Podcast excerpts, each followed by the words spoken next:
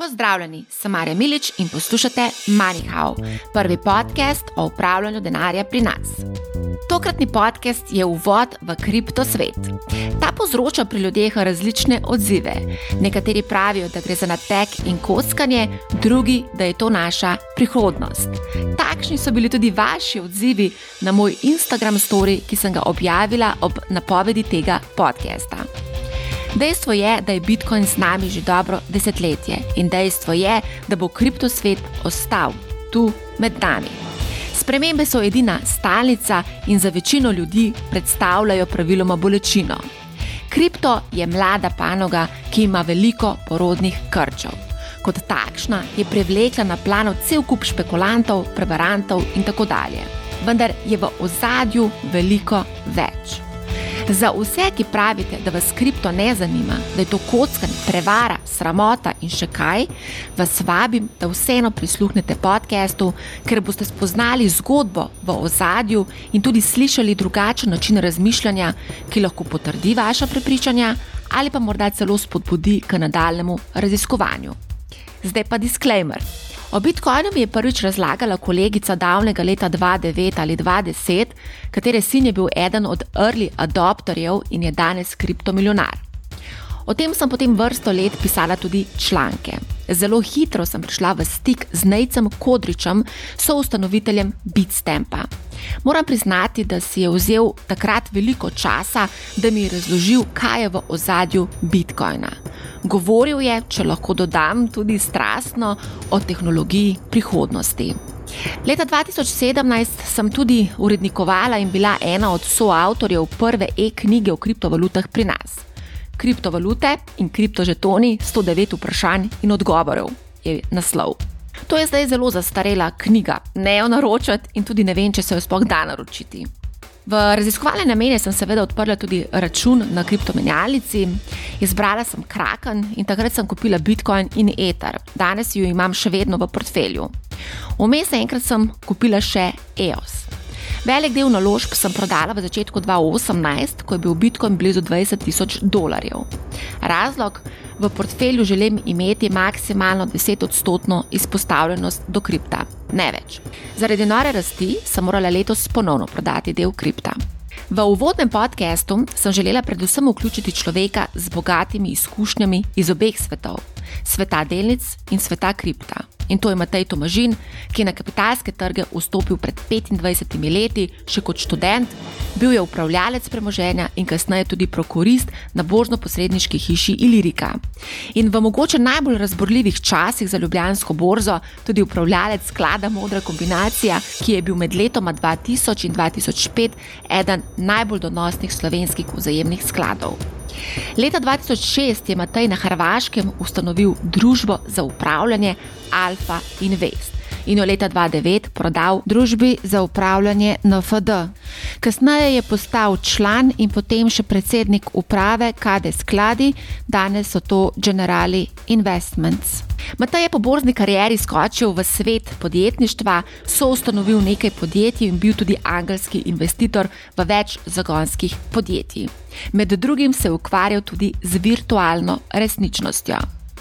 Leta 2017 se je pridružil ekipi kriptopodjetja Economy, ki je bilo prvo slovensko podjetje, ki je že leta 2016 izvedlo ICO oziroma prvo izdajo kriptožetonov in zbralo takrat nepredstavljivih 10,6 milijona dolarjev za projekt platforme za upravljanje kriptoimeti in kriptoskladov.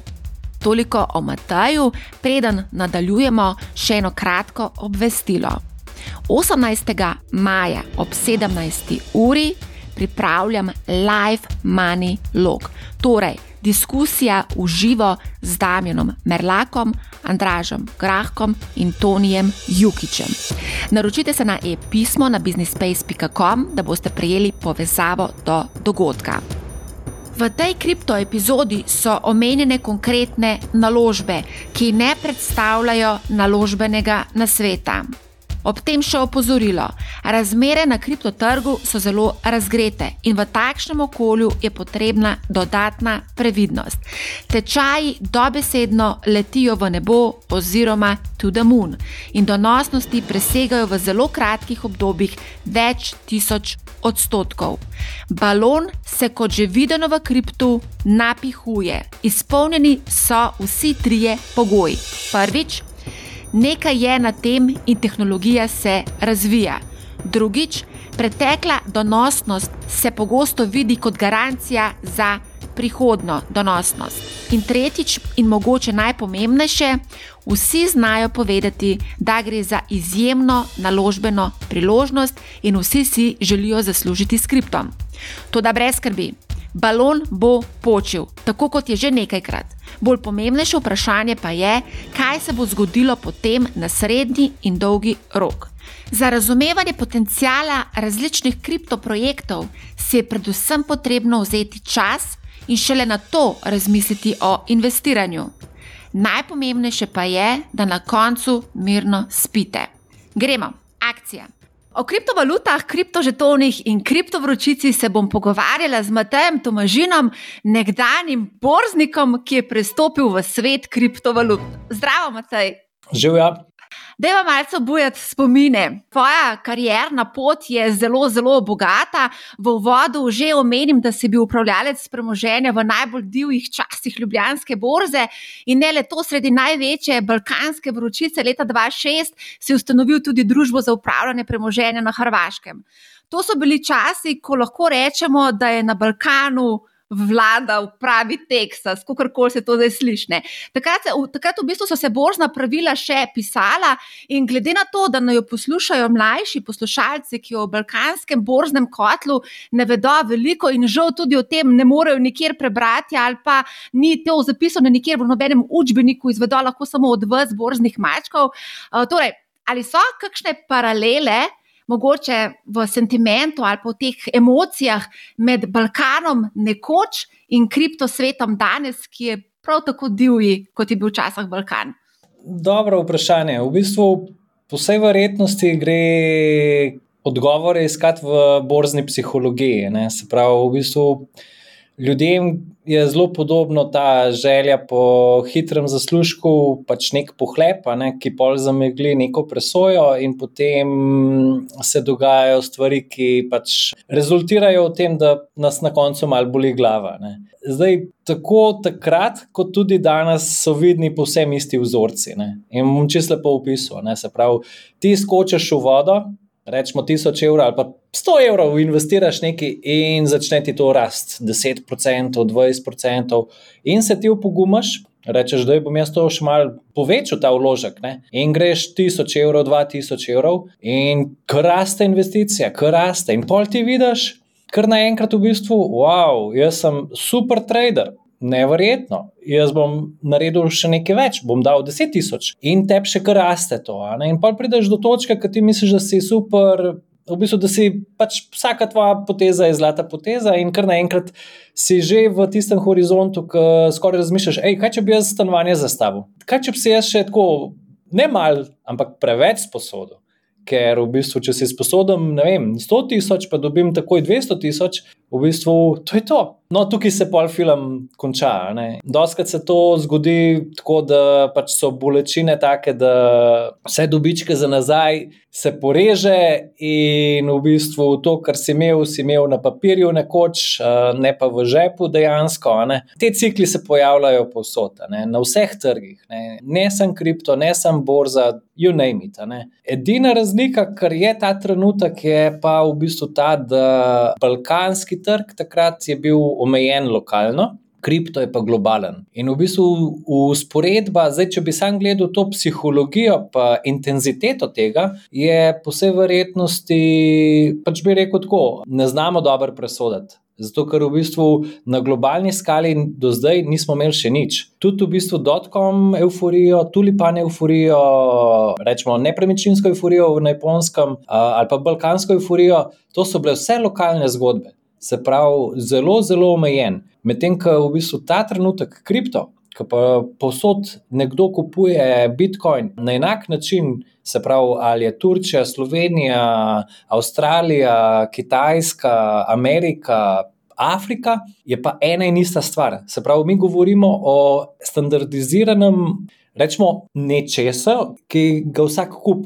In ta intenziteta, v bistvu, to si pa ne znamo predstavljati. In tukaj bomo še zelo, zelo presenečeni, ker v bistvu bodo te magnitude bistveno večje. Če zdaj pustimo samo stran ta. Traderski vidik, ta psihološki, brez vsebinske ali pa rečemo fundamentalne vsebine v zadnje. Tako da, ja, kar se nam bo naučili, je predvsem to, da nas bodo emocije ponovno popeljale v bistvu vse te faze, ki smo jih že videli. Ne. Iz izkušenj pa lahko sam veš, v bistvu, da mogoče je kdaj čas, da kaj daš na stran, pa si rečeš, da ne rabim vsega skozi met v ognju, ampak bom kaj unovčil. Tudi dost traderjev danes pač piše komentarje v smislu, ko gre gor, dajte si mal na stran, ker to se nav dobro končalo. Ne? In ti cikli se dogajajo. Ne? In tudi kripto, če se gleda v bistvu skozi rečemo to Bitcoinovo desetletno plus zgodovino, vidimo, da je bilo kar podobnih par takih ciklov. Se pravi, hiter vzpon, pol pa preskok v neko euforijo, še, še večji vzpon, brez dodatnih razlag, in potem v bistvu sesutja oziroma korekcija. Ne? Ampak v bistvu vse to gre pa z razvojem pač naprej, ne? zato ker je ta network efekt tako močen, da je vse več danes udeležencev tega. Ne? Tukaj smo pa v bistvu spet v čiseni strukturni primerjavi. Ne? Bom tako rekel, zakaj se ne znamo predstavljati? Zato ker v bistvu če pogledamo, koliko Facebook ljudi uporablja, to je 2 milijardi, pa pol, ali koliko jih uporablja. Kripto denarnice pa 100 milijonov. Se pravi, mi smo šele na začetku vseh teh razmer. In če gledam, ali pa če pogledamo, ne vem, koliko jih uporablja Instagram, WhatsApp ali pa kaj podobnih teh uh, novodobnih platform, versus novodobno, v bistvu digitalna plačevanja, uh, vidimo, da so tukaj razmerja še zmeraj nekajkratnik. Smo še daleč. In ko bodo te magnitude dosežene, bodo v bistvu zelo veliki premiki, tako vrednostno, kot tudi v bistvu, kako rekel, ta skalabilnost uh, uporabe. Ne. Zelo lep primer smo imeli lansko leto, ko uh, je prišla epidemija, pa so šle naše tete, ne čez babice, ampak tete ali pa tudi babice, so šle na online shopping, pa se je pošta sesula, se pravi, delivery se je sesul. Se pravi, kar naenkrat so v bistvu paketne pošiljke, uh, zdaj pa ni več uh, next day delivery, ampak je en teden ali pa dva tedna si mogel čakati. In o tem govorim jaz. Ne? Se pravi, kar naenkrat v bistvu nimaš faktor rasti krat zelo, 10% ali pa 20% uporabe, ne? ampak imaš nekajkrat. In ko se ti zgodi nekajkrat, v bistvu so čist druge razmere. Ne? Če gremo pa zdaj spet na mal na fundament, pa lahko rečemo, da se danes, koliko pa je globalne ekonomije na, v digitalnem, se pravi v e-commerce, je zelo malo. Mi še zmeraj govorimo o nekih, ne vem, 10, 20 odstotkih, se pravi, nismo še na 50 odstotkih. Se pravi, še zmeraj je veliko, veliko prostora. Po vsej verjetnosti se pa tudi lahko vprašamo, če je Warren Buffett eh, oziroma Charlie Munger ta teden komentiral, v bistvu, da to je kar nekaj, ne? Uh, se pravi, rečemo kriptovalute. Lahko na drugi strani vprašamo enega 20-letnika, ali bo on šel reči kupovati zlato ali bo kaj z mobitelom naredil. Ne? Pa je dosti verjeten, da v bistvu te bo gledal tako začuden, pa rekel, sej pust me, ki igram na tem. Zakaj na tem? Ja, keč je v bistvu v sami strukturi. Vsaka igrica danes, od Robloxa do Fortnite, vse igrice imajo ekovance noter. V bistvu to razumejo otroci. Jaz bom kolektu v bistvu te pa te, da si bom kupil nek skin. Ja, dajmo to prevesti. Pa implikacijo, v bistvu, kaj to točno pomeni? To pomeni, da bo bodoči potrošnik bo dosti bolj seznanjen z uh, digitalnim načinom v bistvu vsega, um, kar pomeni, da mu bo digitalno v bistvu hranjenje vrednosti ali pa pol prenašanje um, dosti bližji, kot pa nekdo, ki ima danes sicer denar, pa je zrastel na, pač, uh, rečemo, na tistih od leta 1950 po vojnem Bullrunu pa do rečemo 2000, 2010. S tem, da za Warren Buffetta je treba reči, v Apple je dvomu, v Facebook je dvomu. Uh, on je cel tehnološki sektor v bistvu preskočil. Kar je res, je res, da znanje je treba zmeri nadgrajevati, zmeri se je treba v bistvu biti pogumen, skočiti v vodo, sprobavati nove stvari in pa videti, kaj je, kaj ni. Ne. Ker sam ustrajati pri enem receptu, ne, Um, ja, ne vem, bomo videli. V bistvu si povedal izredno veliko zanimivih stvari. Uh, jaz sem tudi tega mnenja, da mladi v bistvu spoznavajo vrednost denarja ravno preko igric. Ne? To je naša mladina, ki se na tak način v bistvu tudi nekako finančno opismenjuje. Ne? Ja, to je fakt. Ne? In oni bodo rekli, v bistvu, hej, kako lahko prenesem vem, um, iz te igrice svoje dosežke nekam drugam. In pol boš imel v bistvu vse te protokole, ki bodo pač omogočali. Ne? In danes v bistvu kripto ne smeš biti tako naivan, da rečeš, da ja, to je skem. Ne, to ni skem. Tukaj so protokoli. Danes je kriptovaluacija celotnega kripto sveta, rečemo, obok eh, Apple. Ampak po drugi strani, koliko je v kriptosvetu developerjev, programerjev, intelekta versus na Appleovi strani. Bi jaz rekel, da je v kriptosvetu zelo, zelo veliko inženirjev, pa programerjev, pa mladih, sposobnih v bistvu ljudi, ki išče nove stvari, ki težijo proti redefiniciji obstoječega. Kaj to pomeni? Ja, to pomeni v bistvu, da vsi se na nek način iščejo svojo svobodo pod soncem, na tak način, da probajo ponuditi uh, decentralizirano, se pravi, brez pogojevanja neče, nekoga. Ne? Se pravi, da ni nekih centraliziranih dejavnikov, pa da je v kodi, da je simpel, da je, če narediš A, je B. To, to ljudje razumejo. Ne? Timotej, ko si omenjal Charlieja Mungarja in pa Warrena Buffeta, vsem sta to dve res ikoni dolgoročnega investiranja. Warren Buffett je star 90 let, Mungar je star 97 let, 4 ure in pol sta sedela in odgovarjala na vse sorte vprašanj vlagateljev, delničarjev. Ampak ravno ta izjava se je pa nekako najbolj zapisala na Twitterju in doživela sta res plas kritika kritik in res ogorčena strani uh, kripto komunitija. Mene pri celotni zadevi niti ne moti njihov odziv tem, ampak moti me pa način komunikacije in v bistvu poniževanja teh dveh uh, detkov uh, dolgoročnega investiranja strani kriptovernikov. Gre za izrazite, goreče zagovornike uh, kripta, v redu, prav je, našli ste religijo v kriptu, ni problem, ne? ampak ali je res potrebno na tako vulgaren in agresiven način komunicirati? Jaz lahko ponudim en koncept odgovora in to je v bistvu inovacija. Se pravi, vsaka inovacija, ki je izmeri prišla je bila strani tistega, ki je bil v status quo, rečemo, izzivan, je bila deležna negativne reakcije. Ko je prišla v Italijo kava v 17. stoletju, a veš, kako so jo imenovali? Satanovo pijačo. Se pravi, danes, ko rečeš, kofi, Itali, ja, to je nekaj, kar gre skupaj. No, ko je prišla kava v Italijo, so imenovali, da je to bogokletna pijača. Se pravi, Isti primeri so bili s traktorji. Ko je traktor prišel, so se društvo konjerejcev, so bili v bistvu protesti. Ampak to je bilo nekako razumljivo. Zakaj? Zato, ker v bistvu vsaka inovacija pač spremeni stvari. In tudi danes, ko prihaja tehnologija, je nerazumljena strani prejšnjih generacij, Medtem ko mlade ali pa rečemo sodobne generacije, ki pa s tem zrastejo, jo pa sprejmejo. In čisto enostavno lahko gledamo v preteklost. Ne? Se pravi, pomisel Tom Hanks, ki je bil, on je zrastel z PC-jem pa Windowsi. Ne? Se pravi, njegova mama.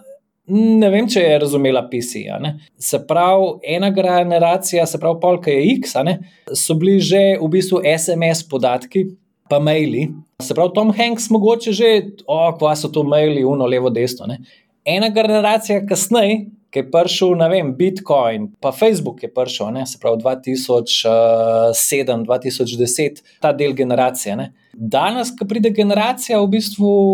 Kot ti jaz rečem, ne vem, decentralizirane finance, Metamask, Lora, vse, če jaz ne razumem vsega, ampak mladi pa rastejo s tem. In v bistvu ključ vsem inovacijam je to, da generacija, ki raste s tem, to vzame kot nekaj samoumevnega, generacija, ki pa predtem bo pa to ne, bo razumela in bo to kompleksno in bo to preveč. In v bistvu, če bo naša stara mama znala uporabljati faks, ni nujno, da bo uporabljala mail, kaj šele v bistvu, da bo uporabljala kriptovaluto. Se pravi, ta kompleksnost v bistvu se odraža. Ne? In zato je najlažje včasih reči, joj, težko mi je, ker nisem uspel v teh desetih letih ujeti tega bulrana, kako koli je, pa to je natekane. To je najlažji populizem. Ne. Jaz mislim, da bi si zaslužil strani teh dveh vlagateljev malo več uh, energije in pozornosti, da bi razumela. Ne. Ampak se po vsej verjetnosti je tukaj razlaga predvsem ta, da v bistvu, če sta spustila celotni tehnološki sektor kot tak. Se pravi, ona dva nista, kot bi rekel, nista bila prva vlagatelja. V, v Facebooku, Coinbase ali kaj podobnih. Se pravi, cel ta sektor je bil spuščen. Sta bila pa vlagatelja v železnice, v Coca-Cola in podobno stvari. In lej, kaj pa dol, v bistvu, rateli ima je v bistvu narediti uh, marsikaj, ampak gledajoč trenutne trende, se novi milijarderji ustvarjajo na drugih področjih. In da ne bo samo špekulacija kot taka, v bistvu danes kriptoindustrija. Imamo protokole, imamo podjetja, ki delujejo in imajo cash flow, in imajo ogromen cash flow. Ne. Že Coinbase, v bistvu, če pogledaš, ki je prišel na borzo, to so ogromni dobički, to so ogromne valuacije. Ne. In ne moreš reči, v bistvu, da ja, je to en tek. Kako na tek, v bistvu, če zaposluje par tisoč ljudi, pa generira milijarde profita. Nekaj ne špila, v bistvu, sicer lahko rečemo, to nalepko na tek, ampak vsem daje v bistvu neko dodano vrednost. Ne. Če ne drugega, v bistvu dodaja ena vrednost v tem, da poganja industrijo pa razvoj naprej. Ne. Kdaj bomo pa mi, rečemo, navadni državljani to razumeli, pa videli, ne, je takrat, ko bodo vsi ti protokoli se infiltrirali in skonvergirali z obstoječimi rešitvami. To pomeni, v bistvu, da ti bo NLB ponudila Bitcoin na kliku, sam z novim gumbom. Pa je to dosti verjeten, da bo se zgodil, rečemo, v roku dveh ali pa petih let. Wow, to pa kar optimističen. Je pa to odlična ideja za Blaža Brodnjaka. Zakonodaja na EU ravni se piše v bistvu in bo sprejeta. Se pravi, kripto kot investicijski razred bo obok finančnim inštrumentom. Se pravi, bo z navadno regulativo čisto urejen. In v bistvu iz strani finančnika ali pa traderja. Njemu je vse, da bo to delnica, ali bo kripto, ali bo to kaj drugega, pač on bo kupil, prodal. Vsa ta razmerja bodo urejena kaj se zdaj dogaja v bistvu? Ja? Dogaja se to, da pač. Če greš ti, ne vem, danes v brokerju, pa rečeš, da mi nekaj kup, on te bo vprašal, ej, hočeš še eno delnico krke, boš ti rekel, da mi kaj drugega. Ja, kaj pa boš drugega, kaj pa je kaj novega. Ne? Pa rečeš, ok, kaj pa so novi trendi. V bistvu pa lahko rečeš, ok, lahko je tehnologija, lahko je biotehnologija, lahko tukaj si omenila, prej smo začela za travo, te neke nove stvari, ki prihajajo. Ne? Ampak v sklopu tega so tudi v bistvu. Blockchain rešitve in podobne stvari, ali pa Internet of Things. Pravi, to je tudi nekaj, kar se bo zelo, zelo razširjalo. Spremembe so edina stalnica ne? in tukaj je po vsej verjetnosti bo šlo v to smer, da boš skupaj en kripto, pa da se učiš zraven, kot pa da sam rečeš, hej, to me ne zanima, je tu kompleks. Ja, pa si sam kriv v bistvu. Zato, ker priložnost imamo, če so vsi enako, volja in fokus in trdo delo, kako prija do nekega rezultata, pa na posamezniku. Internet je tukaj, YouTube je odprt, kot se reče, sam da Twitter spremljaš, sam da se prebiraš. Ma jaz ti garantiram, v pol leta ali pa eno leto se lahko veliko naučiš, ne? pa ne rabiš veliko, v bistvu, da pol v bistvu začneš spremljati. Investiri si v bistvu 2, 3, 4, 5 mesecev v učenje tematike, pa pa implementirati tvoje znanje. Zelo da se. Tudi jaz, naprimer, leta 2006, ko sem šel, ali pa 2007 v Zagreb za štiri leta, v bistvu, ja, lej, se je bilo težko, ampak da se. Ne? Se pravi, lahko bi pa bil v Ljubljani, ni pene, ne? ampak lahko probaš, pa greš nekaj novega sprobati. Ne? Ker na koncu dneva, v bistvu, kaj, rabaš kakšno dobro zgodbo povedati svojim otrokom, kaj si vse počel, ne? pa kje si vse naredil napake. Ne? Da pač predaš svojo modrost naprej. Pa najprej tole travo obdelati. Dober jok se mi je zdel. Kadarkoli se pogovarjam s tabo, si ti zelo tako v izi, ni pene, vse je pod kontrolo. In sem te vprašala, če kadiš travo, ne, da si tako v izi. Ne? In tvoj odgovor je bil. ja, moj odgovor je, da kako bi rekel. Um, je, star, stara šala je, ki vprašaš, a pušiš kaj. Brok reče, sam na borzi. Ta zadeva je v bistvu makanček resnice. In tudi jaz sem dal dober šan delaš v bistvu uh, zgub česa. Začenši z Dadasom, če gremo leta 1995 ali pa 96. Ne. Takrat so bili v bistvu primofini, pa kulinske in podobne stvari, ki so se trgovali na Ljubljanski borzi. Ne. In smo kupovali, jaz se spomnim, še ne vem, v srednji šoli. Ne. Kupoval, šel v vrsto čakati za Dadasove vzajemne sklade. Saj nisem vedel, kaj je, ampak. Bil sem pa tako radoveden, da sem svojo žepnino noter dal. Ne. Pole pa rastel, pa rastel, pa je bilo dobro. In vsak dan smo kupovali časopise, pa gledali, v bistvu, kako so se številke spremenjale. Ne. Oziroma, vsak dan smo pol gledali teletext, ki si vtipkal v televizijo in si videl, da je super. Ne. In to je neka odvisnost, ki ti pol tudi ostane. Ne? Tako da tudi danes, v bistvu, pač, ja, moj dan je tako, da pač pogledam, kaj dogaja na, na trgu, pač aj zdaj to trg splošen, ali je to Ljubljanska borza, ki je obtičala nekje. Ne? Nažalost, v bistvu ni bilo splošne želje, da, da se premakne na bolje. Ne, ne razumemo kolektivno, kaj pomeni kapitalski trg. Ker to, da v bistvu imaš strukturo prihrankov, pri nas 30 milijard na bankah, pa skoraj en procent alokacije pokojninskih skladov v slovenskih delnicah, to pač ne gre. Ne, pač ne moreš pa razumeti, da imamo. V bistvu, pa si lahko razložiš, zakaj je Krapovič ne razmišlja, da na podlagi vseh dobrih rezultatov, zakaj ne reče, kurc, da je 100 milijonov bom rezil, pa grem nekaj zgraditi. Zakaj Rimac lahko tako naredi? In to je ta razlika pri nas. Ne? Pri nas ni kapitalskega trga. Ne? S tem, da Rimac je dubov narod zunija, ni dubov od znotraj. Še ta razlika. Ne? Pri nas se to pač ne premakne. Ne? Se pravi, mi nimamo veliko poteznih nekih podjetnikov, ki bi si upali, pač ja, sej od desetih bi jih po vsej verjetnosti šest svalil, ne? ampak un, ki bi pa uspel. Bi pa naredil za Slovenijo tak premik, da bi pekla glava. Ne, bi Prej si rekel, da rabiš tudi kakšno dobro zgodbo za svoje otroke.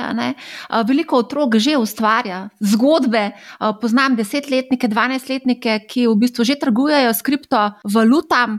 In zanimivo je opazovati tudi njihove reakcije, kako v bistvu se odzivajo na vse te nore rasti. Recimo, zadnjič sem šla gledati eno čistko obstransko kriptovaluto, ki je v sedmih dneh pridobila 500 odstotkov. Kaj je to mesič za mlade? A bojo sploh rabili še v službo hoditi, ker očitno se da tle zelo easy zaslužiti? Ni easy. Zato, ker vsak bo šel v to zgodbo z malce večjim darjem, bo podlegel psihološkim stvarem. Eno je v bistvu igrati, pa sprobavati se s stotimi evri ali pa tisočimi evri, drugo je pa, če boš dal pa milijon ali pa ne vem, sto tisoč evrov, pa se ti bo kar začelo enkrat, ne vem. Bo zanihal tako, da boš rekel, uh, danes sem pa zgubil za eno stanovanje, ne? pa boš v bistvu premislil, kaj in kako. Drugače pa ja, mesič je ta, da v bistvu pač nova pravila so. Ne? In danes vidimo, v bistvu, da so znotraj kriptoindustrije tudi nekatere zgodbe, ki nimajo nobenega smiselnega ozadja imamo v bistvu Dogecoin, ki je zgrajen na meme, ne, se pravi na, na neki fori.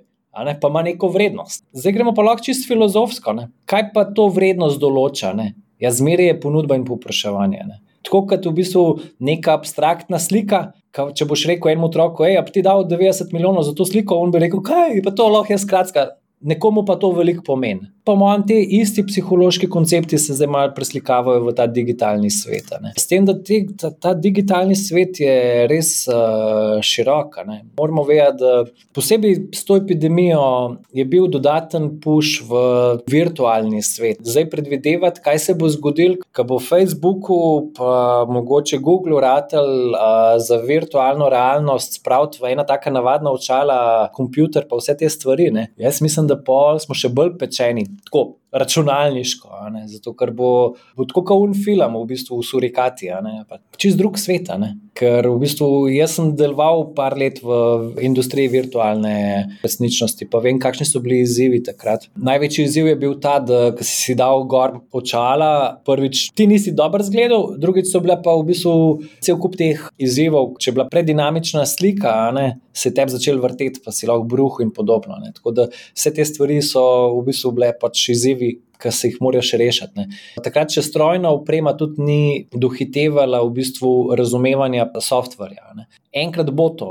Sej, če pogledamo vne filme Back to the Future, tam smo že videli neke, ko rekel, nastavke. Ne. To se dogaja. Ne.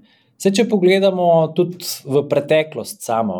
Tast je napisal eno zanimivo knjigo, pa je rekel: Vse, kar je bilo v pravljicah, se je danes zgodilo. Pa je rekel, tam so pisali o leteči preprogi pred, recimo, tisočletji, pa vidimo danes, kako letimo z letali. Ja, malo drugačna leteča preproga. Za Bitcoin je dal pol eno tako hudomušno pripombo, pa je rekel: A veš, un kozliček, ki si rep, pa je kojne dal ven kovančke, se pravi, vse zdaj imaš isto, majnaš nekaj, ne? pa dobivaš kovančke. Veliko teh stvari je že nastavljenih in se sam pač premikamo proti temu. Ne? Za nekoga, ki hoče biti dober v rečemo, trgovanju ali pa v vsem tem, ne? da hoče neko vrednost ustvariti, mora zadeti sam glaven trend. Ne? Ker glaven trend dvigne tako dobre kot slabe barke. Ne? Se pravi, vpliva dvigne vse. Pač mogoče na ošmev, ne vem, tisoč odstotkov, lahko boš imel samo 200 odstotkov, ampak hej, važen je zadeti trend. Tudi 200 odstotkov je lahko zelo lepo. Ne? Ja.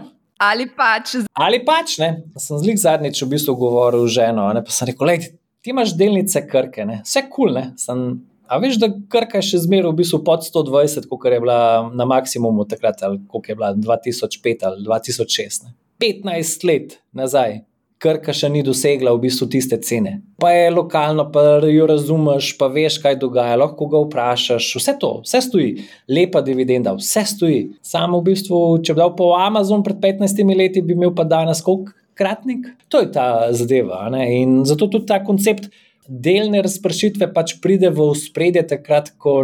Ne veš točno, v bistvu, na kaj bi stavil. Bom ponudil še drugo razlago teh, ne nosi vseh jajc v eni košari razen, ko veš, kaj delaš. Ne? Takrat pa lahko v bistvu staviš. Če bi bil jaz zdaj zdravnik, pa bi točen vedel, kje zdravilo je zdaj zelo dobro proti uh, virusu COVID, pa bi šel to staviti na tega proizvajalca tega zdravila. Točen vedel, zakaj. Ne? To ne rabim jaz diverzifikacije, pa bi rekel, ja, bom še mal Pfizerja, pa bom mal še unga. Ne, ne, pozabi, jaz točen vem, ker to se bo enkrat, kasneje, ko pride to ven, bo to jasno.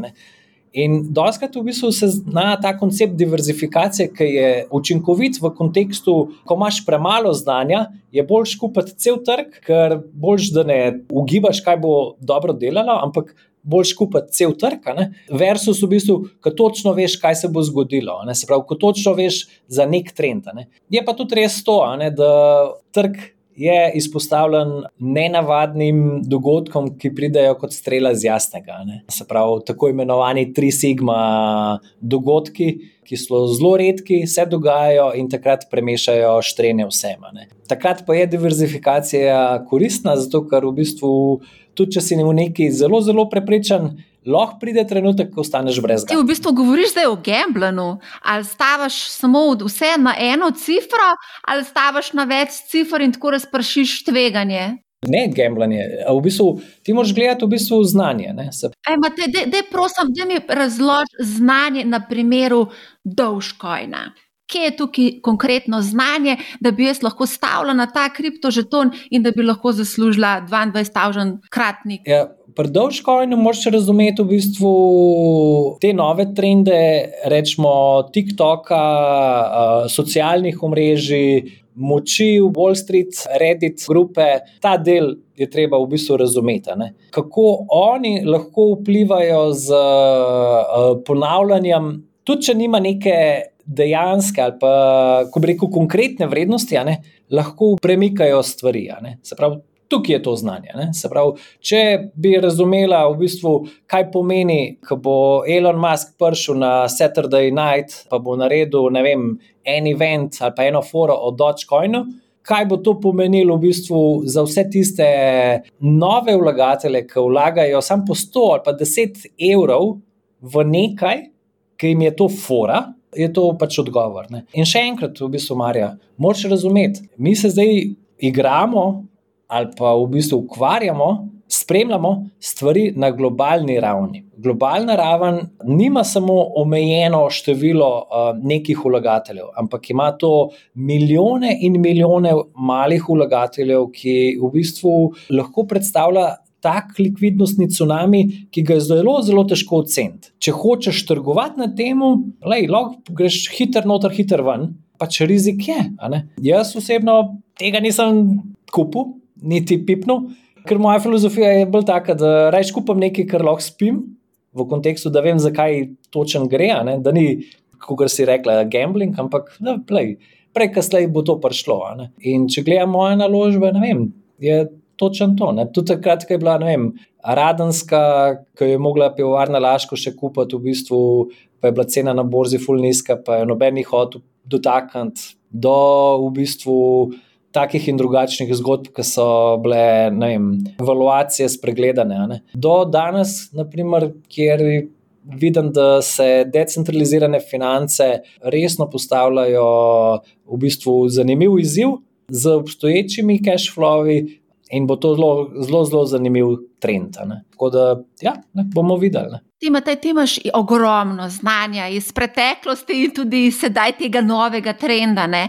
Kako pa recimo je tvoj sestavljen, tvoj portfelj, kako je razpršen, praviš, da to je koncept za tiste, ki nimajo znanja? Zakaj je sploh portfelj? No, da še to definiraj. Torej, tudi, ne. Jaz bi začel pač tako.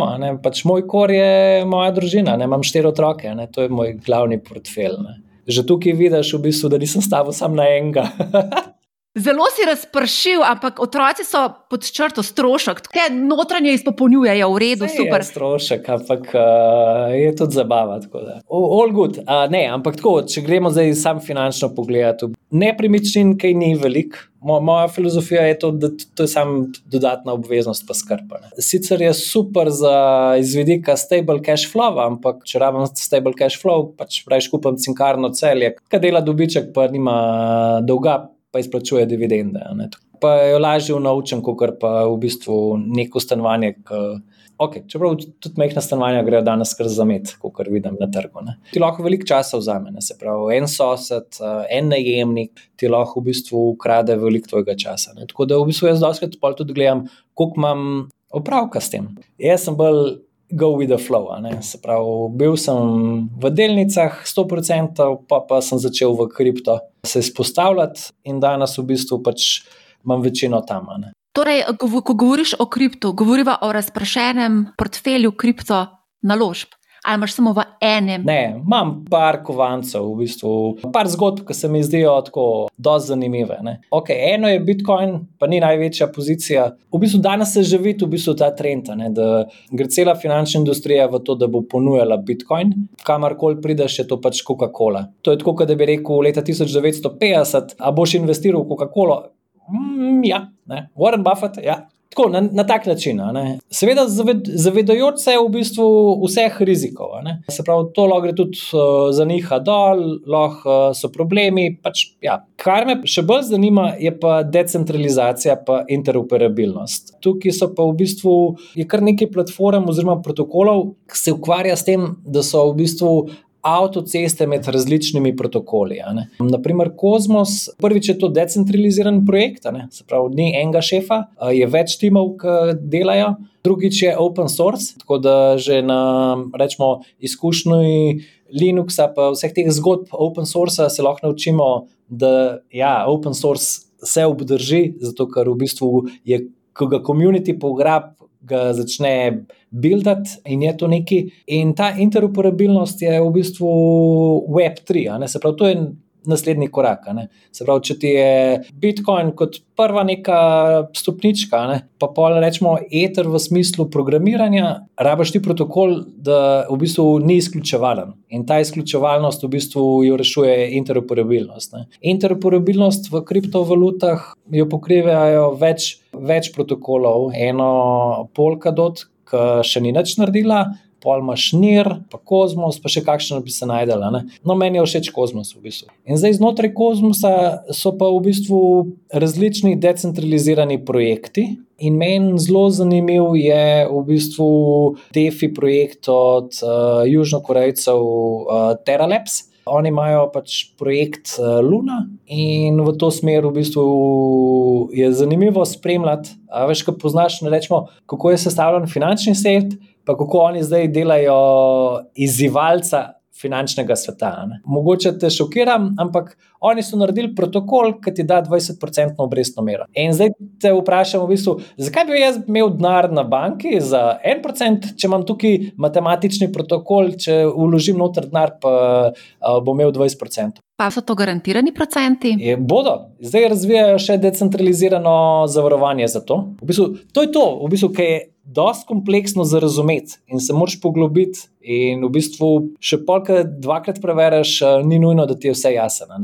Zato, ker danes, v bistvu, da boš vse to mogel razumeti, pač jaz ne razumem vsega. Pa po mojem, zato ker pač mi manjka ta programerski del znanja. Ne? Se pravi, jaz ne znam programirati. Zakaj bi sploh v službo hodil, če lahko kosim pa denar službo? Ja, ne, sem prvič ga moraš narediti. Ker sem bil jaz v srednji šoli, sem skozi delo, inštrukcije, prodajal kokice na trgu, ali pa v kinih, ali pa na futbol tekmih, ali pa na pasih predstavah. Če nimaš nekoga, ki ti da prvi pakič, ne, rečemo, evo, 10 tisoč evrov ali pa uh, nekaj, da, da lahko gradiš na tem, pač se moraš samo ustvariti. Pač je teži, mogoče te za par let uh, predstavim, ampak hej, it's your choice. Lahko pa sediš pa jamraš, ne? lahko pa gledaš. Vse te stari tudi investirajo, tako da je več hudega, tudi ta stara ni treba delati, hoditi v službo. Drugače pa, da ta mali tako dobijo za birmo po 1000 evrov brez problema, tako da ti se vržeš noter. Tako kot so recimo američani s tem stimulusom naredili, s timijem, kot oni pravijo, oni so v bistvu investirali v kripto oziroma v najbolj vroče uh, delnice. No in tukaj bi jaz mogoče še to izpostavil. Ne? In tukaj pridemo pa do čist unga klasičnega problema ki se doskrat pojavlja, rečemo, tudi v, na levi strani mislečih, in to je v bistvu vse večji razkorak med uh, tistim, ki ima, in tistim, ki nima. Zato, ker tisti, ki ima, ima danes toliko veliko možnosti, da bo imel jutri še več, medtem ko tisti, ki nima. Pa če ne bo nič naredil, v bistvu bo ostal na istem. Ne? To nesorazmerje v bistvu je vprašanje, če je vzdržno, in vprašanje, kako se bodo te zgodbe končale. Tako da v bistvu z drugimi besedami lahko tudi rečem. Ne. Danes vidimo inflacijo povsod. Se pravi, ne še v številkah uradnih, ampak you name it. Les je šel krat tri gor, soja, bakr, cink, you name it. Cene grejo gor. Ta del uh, raste in tiska ima premoženje, v kjerkoli, se pravi, od nepremičnin, delnic, tudi kriptonov, vse zadnje, ali pa v bistvu stare broške, če gremo na boljši sejem, tudi tam grejo cene gor. In tem bodo mal neutralizirali to inflacijo. Medtem, ko tisk, ki pa tega nima, pa je sam na plači, plača ne gre gor. Ta se bo pa soočil z vse večjimi izzivi. In ta je kar zanimiva. Pač, zato, ker če ekstrapoliraš, v bistvu to vidiš, da pride do, do problema. Na začetku si zelo lepo povedal, da je treba tudi malo unovčevati, ker drugače samo uh, virtualni milijonar, marsikdo to ne počne. Tako da mogoče je to tudi en dober mesič, da če že nekaj ustvariš, vsaj tudi malo realiziraj dobiček, ne konc koncev, da ne bo samo na papirju. Zdaj sem videla eno zelo zanimivo zgodbo enega fanta, to, to je bilo posod po Twitterju. Mislim, da je 180 tisoč evrov svojih poživljenjskih prihrankov investiral v Dogecoin in je postal virtualni milijonar. Ja. Sam na koncu pa v bistvu se moraš vprašati, kakšen je tvoj lifestyle. Ne? Po vsej verjetnosti imaš, kaj na sebi imaš ene gate, ne imaš dvojih. Ne? Poješ en zajtrk, ne, ne tri naenkrat. Uh, za kosilo tudi ne snedeš sedem zrezkov, ne? ampak enega ali pa karkoli. Pač figurativno hoče reči. Se pravi, bolj je ta definicija tvojega lifestyla pač ključna za vse te zgodbe. Kaj bi bilo, kako bi bilo, če bi bilo forget it, zato ker od tega trenutka dalje je od tebe odvisen, kaj si boš izbral. Lahko si izbereš eno uro športa, lahko si izbereš eno uro branja, lahko si izbereš eno uro ležanja pod soncem, in ne mit, karkoli, in te pripelje do naslednje točke. Ne. Tukaj ti, ko bi rekel, realizirani, nerealizirani milijoni, na koncu je samo vprašanje, kaj hočeš. Uh, s tem denarjem dosežete. Pa... Ja, ampak dejstvo je, da lahko jutri zginejo ti milijoni, to je samo virtualno. To je tako, kot smo imeli pri financah s Forexu, ugasnili so spletno stran, adijo. Čau. Ja, ali pa na KBM, delnice, čau. ali pa hranilni salon, ali pa v bistvu se pravi, teh dogodkov je bilo v preteklosti mnogo in so se dogajali na različnih ravneh, tako državnih, ne, naprimer, kaj sem, je, bil, je bila vojna. Pa po vojni vsi prihranki na bankah so šli, pa pa, lahko je bilo razvrednotenje valute, lahko je bilo kaj drugega. Uh, vemo, kaj se je dogajalo, naprimer v Argentini so rekli, vse dolarje morate zamenjati, argentinske pesote je v bistvu zakon obvezen. Se tudi zlato v Ameriki so rekli zakonom. Tiska ima zlato doma, ga mora prenesti v centralno banko in mi ti bomo izdali ena, ena, IOU.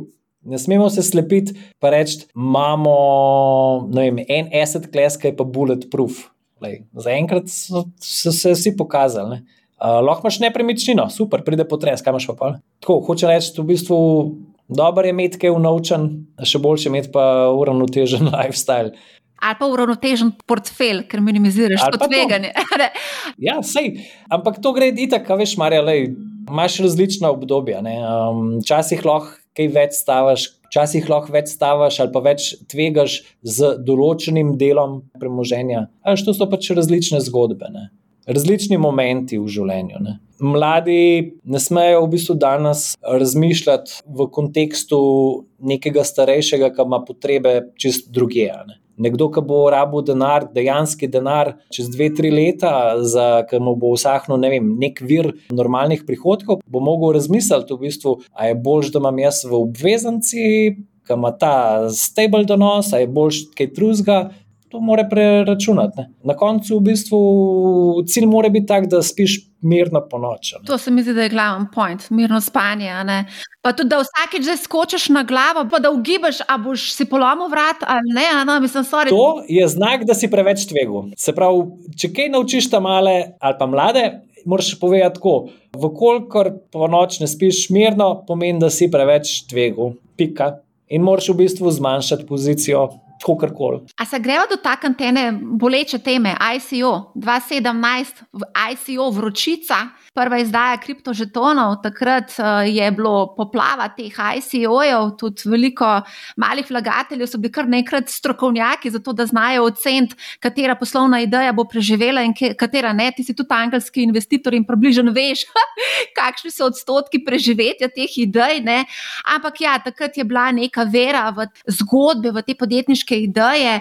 Ja, prišla je nova oblika zbiranja kapitala, ki se je manifestirala v parih zelo dobrih projektih. Nažalost, pa ta enostavna oblika zbiranja kapitala je pritegnila tudi v bistvu določene pač podjetnike, ki so to izkoristili, pač ta pohlep, pa naivnost vlagateljev. Tako da, ja, nič drugega, kot ponovitev učne ure iz uh, psihologije financiranja. Ne. Zdaj, kar je bilo zanimivo, je bilo to, da pač prišla je neka nova tehnologija, nov način, regulacija v bistvu tega sploh ni poznala. Če bo nekdo rekel, ja, pa vse za delnice je vse jasno, lej, super. Sam, ko pride inovacija, je zmeraj ta.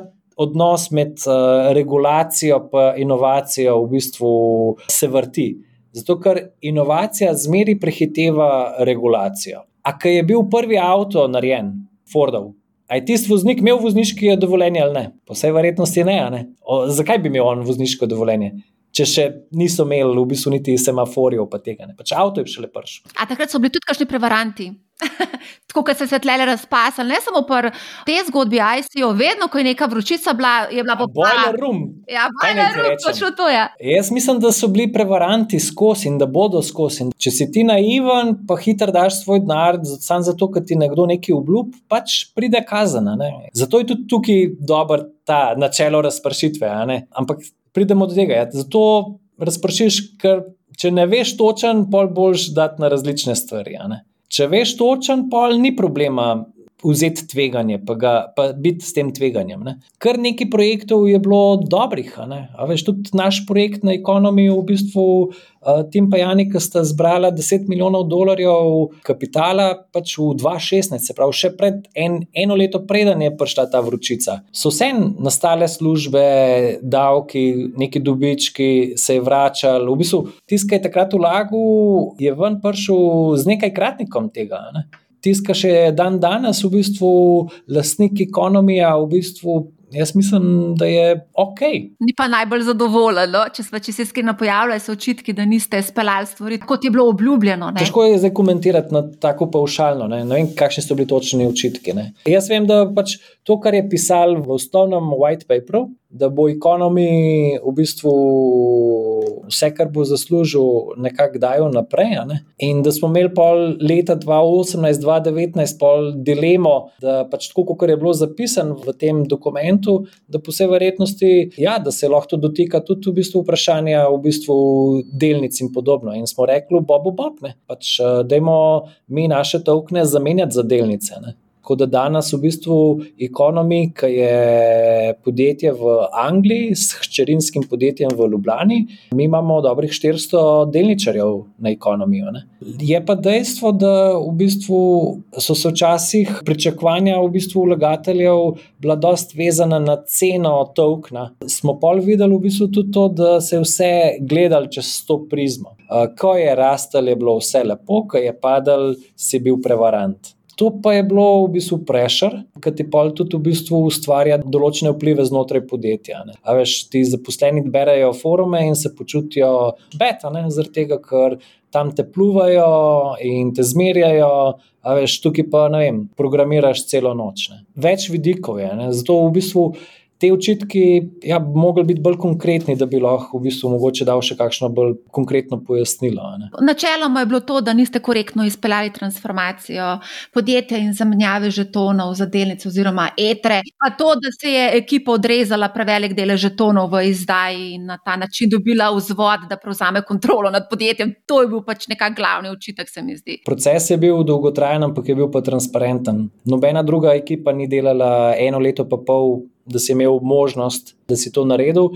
Je pa res, da smo to naredili v dveh korakih. Prvič smo šli v Liechtenstein, zdaj smo pa končali v Veliki Britaniji, ampak tudi to so določene razlage. Um, zakaj na tak način? Čez tehnične, v bistvu pravno tehnične. Ne. Naša zakonodaja, se pravi slovenska zakonodaja za vsako delniško družbo, zapoveduje, da jo moraš imeti pri KDD-ju, se pravi, izdan nematerializiran delniški papir, eh, vrednostni papir. Mi smo pa hoteli imeti opcijo, ej, kaj pa če bo security token, pa hočemo imeti mi registr per sep, kjer zakonodaja omogoča, da ti hraniš registr per sep. In pa smo najdeli v Liechtensteinu v bistvu ene vrednostne papirje, kjer imaš lahko v bistvu registr lastnikov per sep. In to so bili vrednostni papiri genušajni da so bili taka neka mešanica, se pravi, niti delnica, niti obveznica, neki vmes. Roše ima v bistvu isto te vrednostne papirje. No? In smo imeli to, in smo imeli čist klasična menjava bila. Pač, kdo je hotel, je to vzel, kdo ne, je šel v eter. Ne? Se tudi ki je šel v eter, se danes v bistvu je na zelo dobrem. Verjamem pa, da so zmeri bili neka pričakovanja, mogoče kakšna drugačna in podobno. Ko imaš veliko ljudi zraven, je težko vsem ustrešiti. Jaz se s tem strinjam, bila so pa tudi eh, včasih kar mal prevelike obljube dane strani izdajateljev. To so bile pa res pravljice, ker je bilo samo jasno, da se bo zgodba slabo končala. Ne? Ampak dobro, to je že druga zgodba. Gremo mi malo pogledati uh, vaše knjige. V tretjem četrtletju 2018, pred začetkom konverzije, ste v poročilu razkrili, da je knjigovodska vrednost kapitala podjetja 96 milijonov dolarjev dolarjev, med kriptonaložbami pa je bil večji del, ste imeli v etrih, oziroma skoraj 170 uh, tisoč etrov je bilo, pa skoraj 2650 bitcoinov. Če vzamemo današnje cene oziroma tečaje, pride to vse skupaj 700 milijonov dolarjev. Kaj to v bistvu pomeni za delničarje ekonomije? Ves presežen denar smo vrnili uh, vlagateljem uh, lansko leto, januarja oziroma marca. Uh mhm. -huh. Zato, ker v bistvu, ko smo naredili pretvorbo, so delničari rekli: Ekonomi, vzam si ti za tri leta Runawaya, se pravi, dobili smo 6 milijonov dolarjev, vse ostalo se vrne in se je to zgodilo. In so bili zadovoljni z izplačili oziroma z zneski, ki so jih prejeli. Ja, pač, až to moš tudi tako gledati. V bistvu, predstavljaj si, jaz sem naprimer delničar cinkarne uh -huh. in cinkarna ima na, v knjigah 40 milijonov evrov. Jaz sem živčen, ker oni ta denar imajo, pa plačujejo ležernino, pa neče naredijo s tem. In kaj se ti zgodi? Se pravi, jaz nisem fokusiran na biznis, ki ga oni imajo, ampak na teh 40 milijonov. Ne. In to se je zgodilo ekonomijo. Se pravi, kar naenkrat so se vsi fokusirali z denarjem, ki smo ga imeli v knjigah, ne pa z biznisom ali pa razvojem, ki ga pa delamo. Ne. Ampak ta denar v knjigah v bistvu je bil tudi, kako rekel, posledica dobrih odločitev ustanoviteljev. Ne. Zato, ker lahko pa bi se zgodil, da bi ona dva, unih 10 milijonov, zamenjala za evre, takrat, ko je bil eter 10, bitcoin, ne vem koliko tisoč, ne? pa bi rekli, da imamo 10 milijonov, zdaj bomo pa nekaj zgradili. Ne? Sam ona dva sta iz teh desetih šlo kar precej gor, pol šlo dol, ker je bil bear market. Ne? Ampak na koncu, kje smo končali, v bistvu vsta presežek, s tem smo se mogli še ukvarjati, ne? miselno. In pa so bili tudi očitki, da ne delamo dobro, da smo kaj naredili, da so bili heki, taki in drugačni. Ni bilo pa komentarjev na to, kar pa je naš core business. Ne? Ja, in kako se je razvijal vaš core business? Ja, core business se razvija dobro. Se pravi, imamo vse več uporabnikov naše platforme, ki je specifična. Naša platforma je kot nek drugi layer na kripto exchange. Če ti prideš na kripto exchange, sam kupiti pa prodati, na naših lahko v bistvu ustvarjaš uh, strategije, se pravi, kot neke portfelje, ki ti jih lahko drugi sledijo, se pravi, copy trading. In ta del je v bistvu prihaja pač v spredje, zato ker veliko ljudi hoče deliti svoje znanje z ostalimi. Zelo enostavno je to, da je platforma povezana z številnimi borzami, da je ta likvidnost zagotovljena. Ne? Tako da v bistvu delamo. Ne? Mi smo zdaj v postopku v Angliji, da bomo registrirani po AML zakonodaji. Kaj pa je AML? anti-money laundering, se pravi za preprečevanje pranja denarja. Se pravi, pri kriptu je bil največji trik v tem, da vse finančne institucije se bojijo, da se kaj ne zgodi čudnega. In mi imamo danes, jaz moram reči, skoraj boljš postavljen, kot pa kakšna banka. Naše preverjanje, v bistvu, a pride denar res uh, z prave strani. Ne.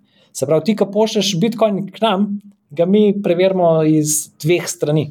Se pravi, dva programa imamo, ki ti preverijo celo zgodovino in ti pa pove, da Marja je pa prenašala ta Bitcoin iz, ali pa ga je dobila tukaj, pa tukaj, tako da je sumljiva, da je te preverjene. Vse take stvari imamo. In je splavala moja anonimnost po vodi. Ni anonimnosti. V blockchainu je v bistvu to je spet ena taka. Pač imaš par protokolov, ki zagovarjajo privacy, ampak večina je pa, ne vem, kjerkoli borza, ki boš hotel imeti integracijo z Fiatom, se pravi z evri ali pa dolarji bo zahtevala tvoje osebne podatke. In tam boš imela v bistvu preverbo, kdo si, kaj si, odkje si, zakaj investiraš in podobno. Ne? Tako da ta, ta del v bistvu je zelo podoben finančnim inštrumentom. Pravi, mislim, da bistvena razlika je edina, ko greš ti delnico kupiti.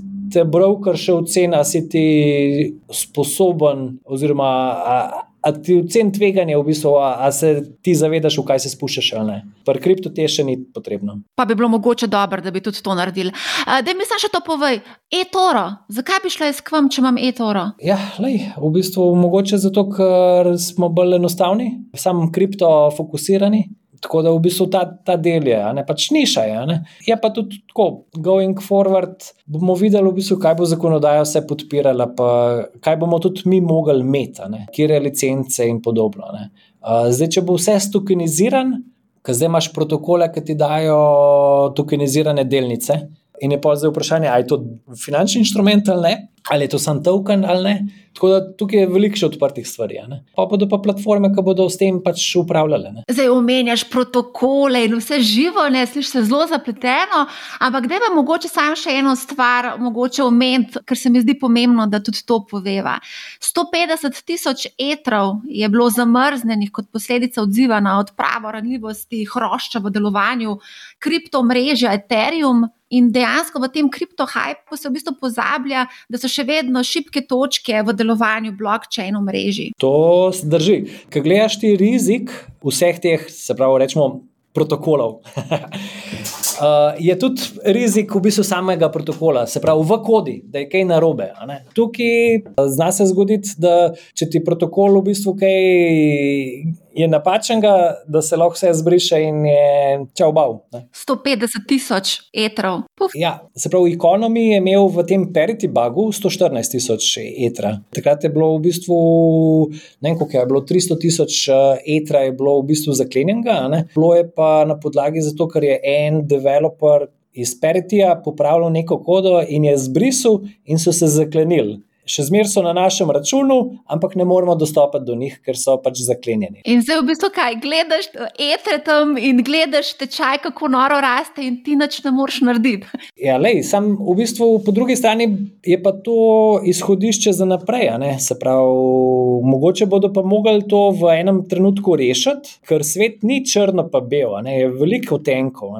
Mi poznamo koncept upravljanja ali pa governance, v bistvu, da je treba neke stvari predebatirati, pa dobiti neke konsenze. Ne. Tako da ta zgodba Ethereum še zmeraj čaka. Ne. Do zdaj so bili na Ethereumu zelo fokusirani za telim uh, forkom, oziroma za to na, nadgradnjo, pa stroški transakcije. Ne. Čim bodo pa hoteli v bistvu delati na governancu, jih bo pa to tepalo. In prej, kasneje bodo mogli tudi to rešiti. Ne. Tako da, ja, Drugače pa vse se sliši v bistvu strašno, ampak to je pač uh, stvar pač razvoja. Sej ti, ki greš v neko stvar, se ne veš, a bo bulletproof, vse upaš, da bo, ampak lahko se pa pokaže v enem scenariju, da pa en scenarij pa ni, lahko pa tam pač zgubiš. Tako da tukaj bi rekel, ja, to so bile pač učne ure.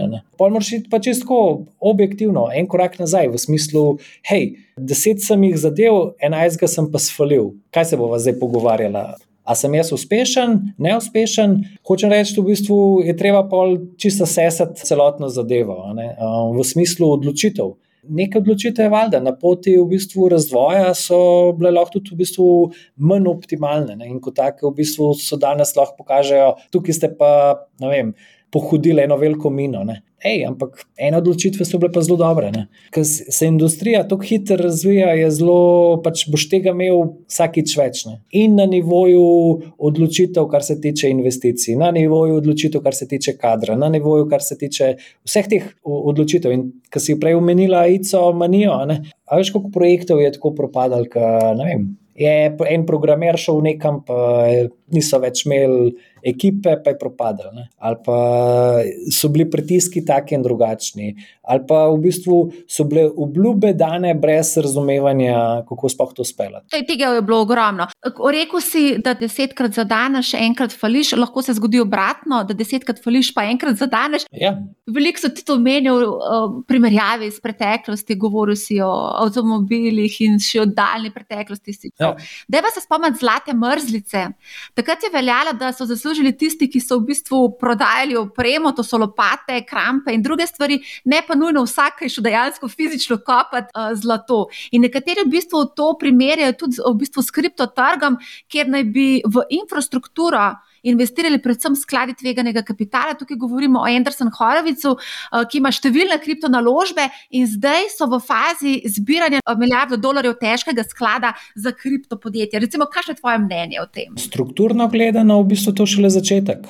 Ti imaš v bistvu, ne vem, bom pa tako rekel. Kako je izpostavljenost uh, celotnega finančnih institucij temu sektorju? Zelo majhna. Največji ta ne napako, ampak napačno sklepanje, ki ga ima večina ljudi, je, da je kripto sam ta špekulacija. Ni. Zato govorim jaz toliko o protokolih. Zato, ker če si vzameš čas, pa vidiš, v bistvu, kaj bodo vse omogočali v bistvu te programi, pa bodo v bistvu dejansko se sami izvrševali. Pol vidiš, da bodo nadomeščali določene obstoječe rešitve, ki bodo ponujale nove stvari, bolj transparentno, pa cenejš, pa boljš. Če se osredotočiš na to, ki je tudi, ko bi rekel, del infrastrukture, ne, ki se zdaj že kaže, naprimer v decentraliziranih financah, se že kažejo denarni tokovi, ki so zelo dobri, imajo tudi dobre napovedi. Se pravi, ko bo to še zrastel za parkrat, kar se tiče uporabnikov, bo to čist neprimerno višji. Ne. Tukaj jaz mislim, da je zdaj pač eh, videti to neko mrzlico strani uh, skladov tveganega kapitala. Zato, ker v bistvu zdaj tudi vidimo. Da za vsako idejo, ki jo imajo programeri, skačajo kar z valuacijami 50-100 milijonov, jih podprejo in to ob nenormalno visokih valuacijah. Se pravi, denarja naokrog je ogromen, vsak hoče narediti nekaj, eni projekti se bodo obdržali, eni ne, bomo pa videli. Ne? Ampak spet se dogaja to, da ja, pač sektor je vročne. Veliko se eksperimentira, se to se je dogajalo tudi v preteklosti, to ni za neki, neki novega. Tudi, recimo, Kolumb je po nesreči odkril Ameriko, no, ali pa ne vem, Fleming je po nesreči odkril peniceline. Tako da to ni nič narobe, vse to je vse prav, da se dogaja. Tudi Evropska investicijska banka je recimo nedavno izdala, oziroma razmišlja, da bi izdala obveznice na, na Ethereumu. Nihče ne uporeka te tehnologije, ampak bolj se mi zdi ta, ta drugi vidik, ta pohlep ljudi, kako hitro želijo zaslužiti. Ampak to je skozi prisoten. To je bilo v bistvu takrat, ko so vem, prodajali so v Saharo, je bilo isti šmoren. Ko se je zgodila tulipmanija, isti šmoren. Skratka, to je ta, kar si vprašala čisto na začetku. Pač človeška psihologija se ne bo tukaj znati spremenila. In je čisto isto. Sam stvar je ta, da danes je tukaj večji obrat. In ti, Matej, ko govoriš o tej sodobni tehnologiji, ravno ta sodobna tehnologija nam tudi omogoča, da v bistvu prenesemo neko znanje naprej na ljudi in jih mogoče vsaj malo obvarujemo pred res nekimi dramatičnimi rezultati. Mislim, veliko ljudi jemlje danes posojila, zato da kupujejo kriptovalute. Mislim, z eno nogo si lahko dejansko v osebnem bankrotu, če gre kaj narobe. In sam si tudi povedal, da obstaja zelo veliko zunanjih dejavnikov, ki lahko sesujejo stvar v sekundi. Mislim, v sekundi. Ja. In to velja za vse investicijske razrede. Se pravi, ni smiselno znanje imeti na borzo, pa špekulirati, ni smiselno znanje imeti, pa kupovati uh, ta peto stanovanje. Ker če pride kriza, pa tudi tukaj lahko uh, se vse sesede. Vse vidimo, v bistvu, ko pride kriza, tiska je prezadolžen, propade. Tiska je malo zadolžen ali pa ni zadolžen, uh, ima dobro šanso, da preživi, ker v bistvu s časoma se vse pač uh, izravna. Sam mesič, ta posojilo, pa kriptovalute, bi ga razširil, se pravi, posojilo ali pa karkoli, v bistvu, ja, pač ima svoje tveganje kar se tega tveganja tiče, v bistvu pač mora pa vsak posameznik vedeti, kaj pripravljen zgubiti. Ne. Večina borz, tudi kriptoborz, danes, ki je, ki prideš, ti piše na vratih, hej, investiraj samo to, kar si pripravljen zgubiti, ali pa pazi tveganje, ali pa pazi niha. Vem, če greš na vse te CFD, uh, Forex, storitvene v bistvu podjetja, ki ponujajo to. Ne, Oni imajo že po zakonu, v bistvu se ti odpre okno, ko prideš na njihovo spletno stran in ti piše statistiko. In ti piše, 85% vlagateljev izgublja denar.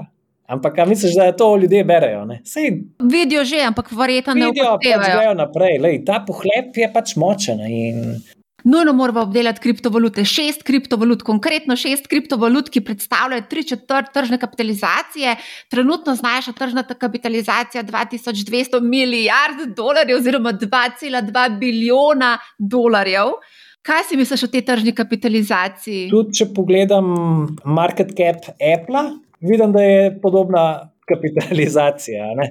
Če odmislim, kakšne zgodbe, ki so v bistvu ki jih jaz mogoče ne bi investiral, pa lahko da so ležit, ampak jaz, na primer, jih ne bi, naprimer Ripple, Dogecoin. Pač vse so lahko, vse ima svojo ponudbo, poprašanje, ima lahko logiko, ampak uh, jaz raje gledam pač uh, tam, kjer je ekipa, pa so developerji, pa vem, da šipajo stvari, pa da se proizvaja.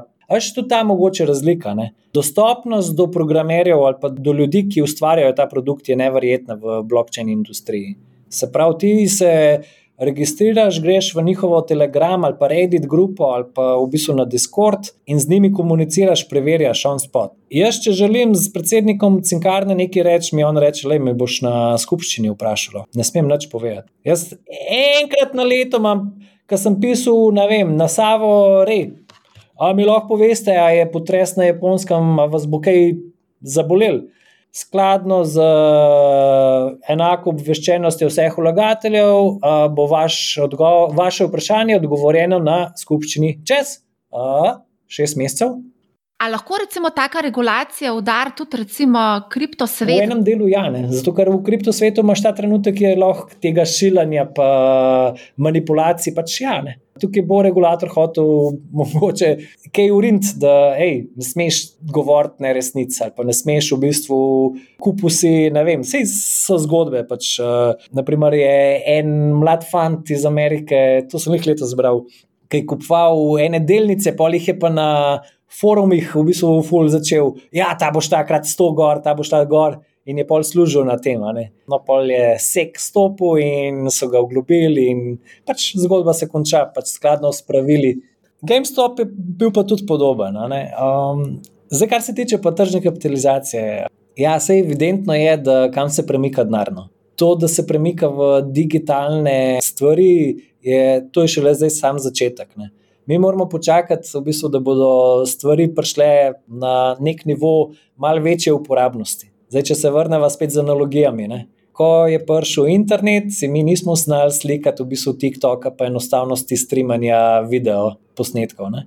Tudi, ko je prišel mail, smo imeli v bistvu fantazijo, pa modem ob strani, ki se je nalagala slika, koliko 126 kilobajtov na en česa. Ne? Danes imaš pa gigabajte, ki se prenašajo. Ne? Se pravi, mi. Povprečen Janes danes ne razume vsega tega tsunamija, ki prihaja. Ne razume. Tudi jaz, tako, če pogledam sebe, se še sam ne vem, v bistvu, kaj vse bo možno. Namenjam veliko časa razmišljanju, kakšni programerji rečejo, da ja, se delnice bodo programirane, pa boš lahko v bistvu jih zastavil, pa boš pa jih obrnil, pa jih boš, pa boš dobil dividende, ki boš denarni tok uporabil za si sposoditi nekaj tretjega, pa boš to sestavil kako prosim, to se bo dogajalo.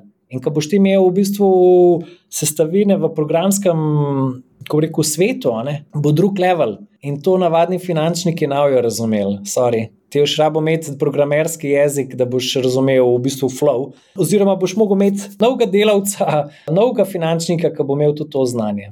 Kaj pa si misliš recimo o teh raznih flow modelih ali Bitcoin Rainbow modelih, eh, ki vsak trenutek ve, kje bo Bitcoin v prihodnosti? Imamo že napovedi, točno kdaj bo Bitcoin milijon dolarjev vreden. Je, lej, pač model, kot vsak black box. Postavlja se ga na prestol, dokler je prav, takrat, ko zgreši, se ga zamenja. Ti modeli so doskrat v bistvu imajo neko razlago pa logiko zadnja, niso pa nujno, v bistvu, da so pa vedno prav. Gledajoč vse hedge funde, ki so delali na kvantnih modelih, so vsi bili dobri v testiranju in mogoče nekaj korakih naprej. Pol je prišel pa nov element, ki mi je pa pač spremenil enačbo. Pa lahko gledam znane od šolca, hedge sklade, ki so propadali do današnjih eh, black boxov. Pač, ja, imajo nek svojo legitimiteto in jaz mislim, da je dobro jih prebrati, dobro jih poskušati razumeti. Pol je od posameznika odvisen, koliko veljave dati temu, je pa good to know. Ampak jaz mislim, v bistvu, če gledamo letošnji flow, koliko denarja je šlo iz uh, ETF-ov zlata ven in kam točen je šel ta denar, pol si razlagam, oh, je to pa en nov trend s tem, da je inflacija in da je bilo do zdaj zlato zmeri kot neko protivtež inflacije, se je letos v bistvu to malo zameglilo. Se Bitcoin v bistvu ima nek status digitalnega zlata, ne? je pa tudi nekaj drugega zanimivo. Pojavljajo se očitki, da večino, večja količina Bitcoinov skoncentrirana v rokah posameznikov oziroma parih denarnic in da ta količina den, pač ne bo nikoli prišla na trg, zato se tudi podžiga to rastne. Količina Bitcoina pa, kot vemo, je omejena, pa je določeno število Bitcoinov, ki jih je možno namajnati. Kaj zdaj s tem? Dogajajo se manipulacije, dogajajo se z Dogecoinom, z Bitcoinom, z vsemi možnimi. To smo videli tudi, recimo, nazaj, ko gremo v preteklost, se je manipuliralo, ampak se je tudi sankcioniralo. Ne, mogoče zato rabi predsednik uprave cinkarne počakati na skupščino, zaradi tega, da ne pride do manipulacij, ker tukaj se pa dogajajo manipulacije vsak dan.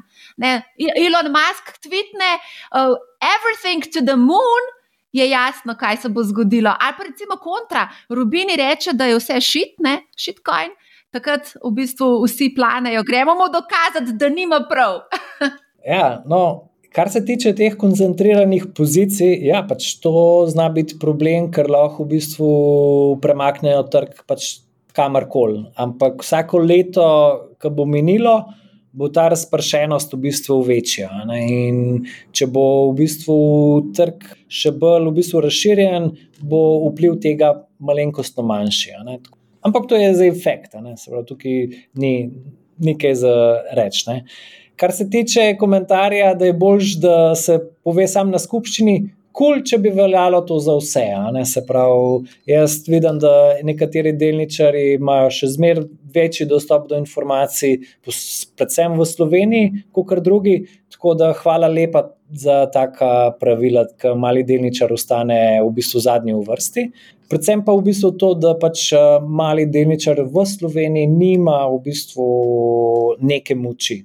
Na skupščinah noben kaj velik ne dviguje rok noben se ne bori, ki je velik, vse je tako malo na pol dogovorna, zelo je short-sighted. Jaz sem bil delničar, v bistvu bil sem predsednik društva malih delničarjev Gorenja, ker smo se na nek način borili proti Bubincu in njegovi ekipi.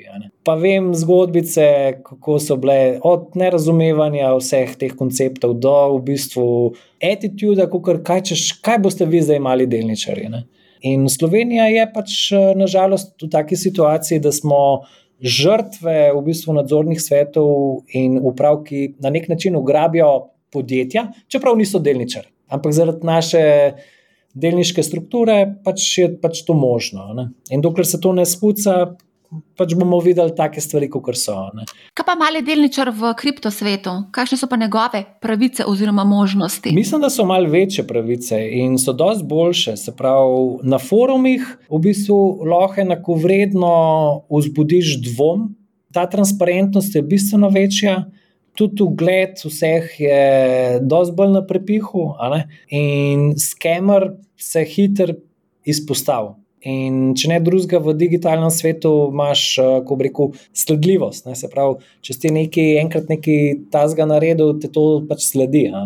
Ta mali delničar je v bistvu v tem digitalnem svetu pač lahko bistveno več stvari preverjati. Jaz, na primer, če grem kupovati eno delnico, pa če hočem razumeti, zakaj je uprava zaposlila nekoga, ki je povezan prši noter, pa kaj je bilo točno plačilo tega, ali pa, veš si moraš razložiti ne, to implikacijo. Pri kripto je pa mogoče lažje, zato je samo koda.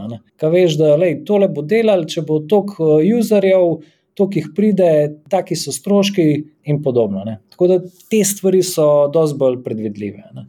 Ja, forumi so pa tudi anonimni. Velike leži, velike tega, ne pač vse, zato pa je treba pristopiti uh, z nekim pravim odnosom, ne, ne biti naivan. Ne. Ne moreš prebrati vsega, pa vzeti kot zlato resnico. Ne. Se tudi vidimo, v bistvu, kaj ustvarja umetna inteligenca. Ne. Lahko se jaz prelevim v Elon Muska, pa rečem tudi Moon. Ne. Okay. Ej, zdaj, ko se je rekel, da se pušča neka digitalna sled, ampak na kljub temu, da se pušča digitalna sled, jaz recimo med kripto strokovnjaki in guruji opažam, da je to pač nepomembno in nevredno, ker so bili pa te isti osebki um, nedolgo nazaj tudi v drugih prevarah. Se pravi, so v bistvu nekako samo nadaljujejo svoje delo in kljub temu, da so pustili sled in da vsi vemo, da je bil v prevari, da je prodajal na tek in nategnil na tisoče ljudi, ampak danes je pa kripto, ultra mega guru. Mene to blazno znervira. In pa v bistvu zmeče slabo luč na vse ostale, ki mogoče delate, ok, ampak ravno panoga mora reči, hej, stari, to pa ne bo šlo tako. Ne? Panoga postopoma grejo te stvari. Ne? Vsak, ki gre, ne vem, sedeti k, k regulatorju, pa se pogovarjati resne stvari, pač ve, kaj je ugled. Jaz, na primer, lahko z moje izkušnje delim. Pač jaz sem bil regulirana finančna oseba v Sloveniji, pa na Hrvaškem, pa vem, kakšne so preverjene. Ko sem bil na KD-ju, smo imeli, ne vem, pa v Makedoniji, Romuniji, se pravi v večjih državah, pa pol v bistvu z ekonomijo Malta, Liechtenstein, Anglija. V bistvu, to so bili posod regulatori, ki smo sedeli pa se pogovarjali. Ne, pa, pač, Ja, te preverijo, preverijo LinkedIn, preverijo UNO, vse preverijo. Ne? Tako da pač imaš svoje ime.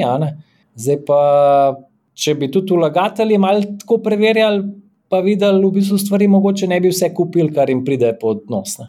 Zato tudi doskrat, če vidiš na Twitterju, ne? veliko ljudi napiše DYOR, do your own research. Ne? It's up to you, ne? se pravi, lahko se zafrkneš sam sebe. Ne?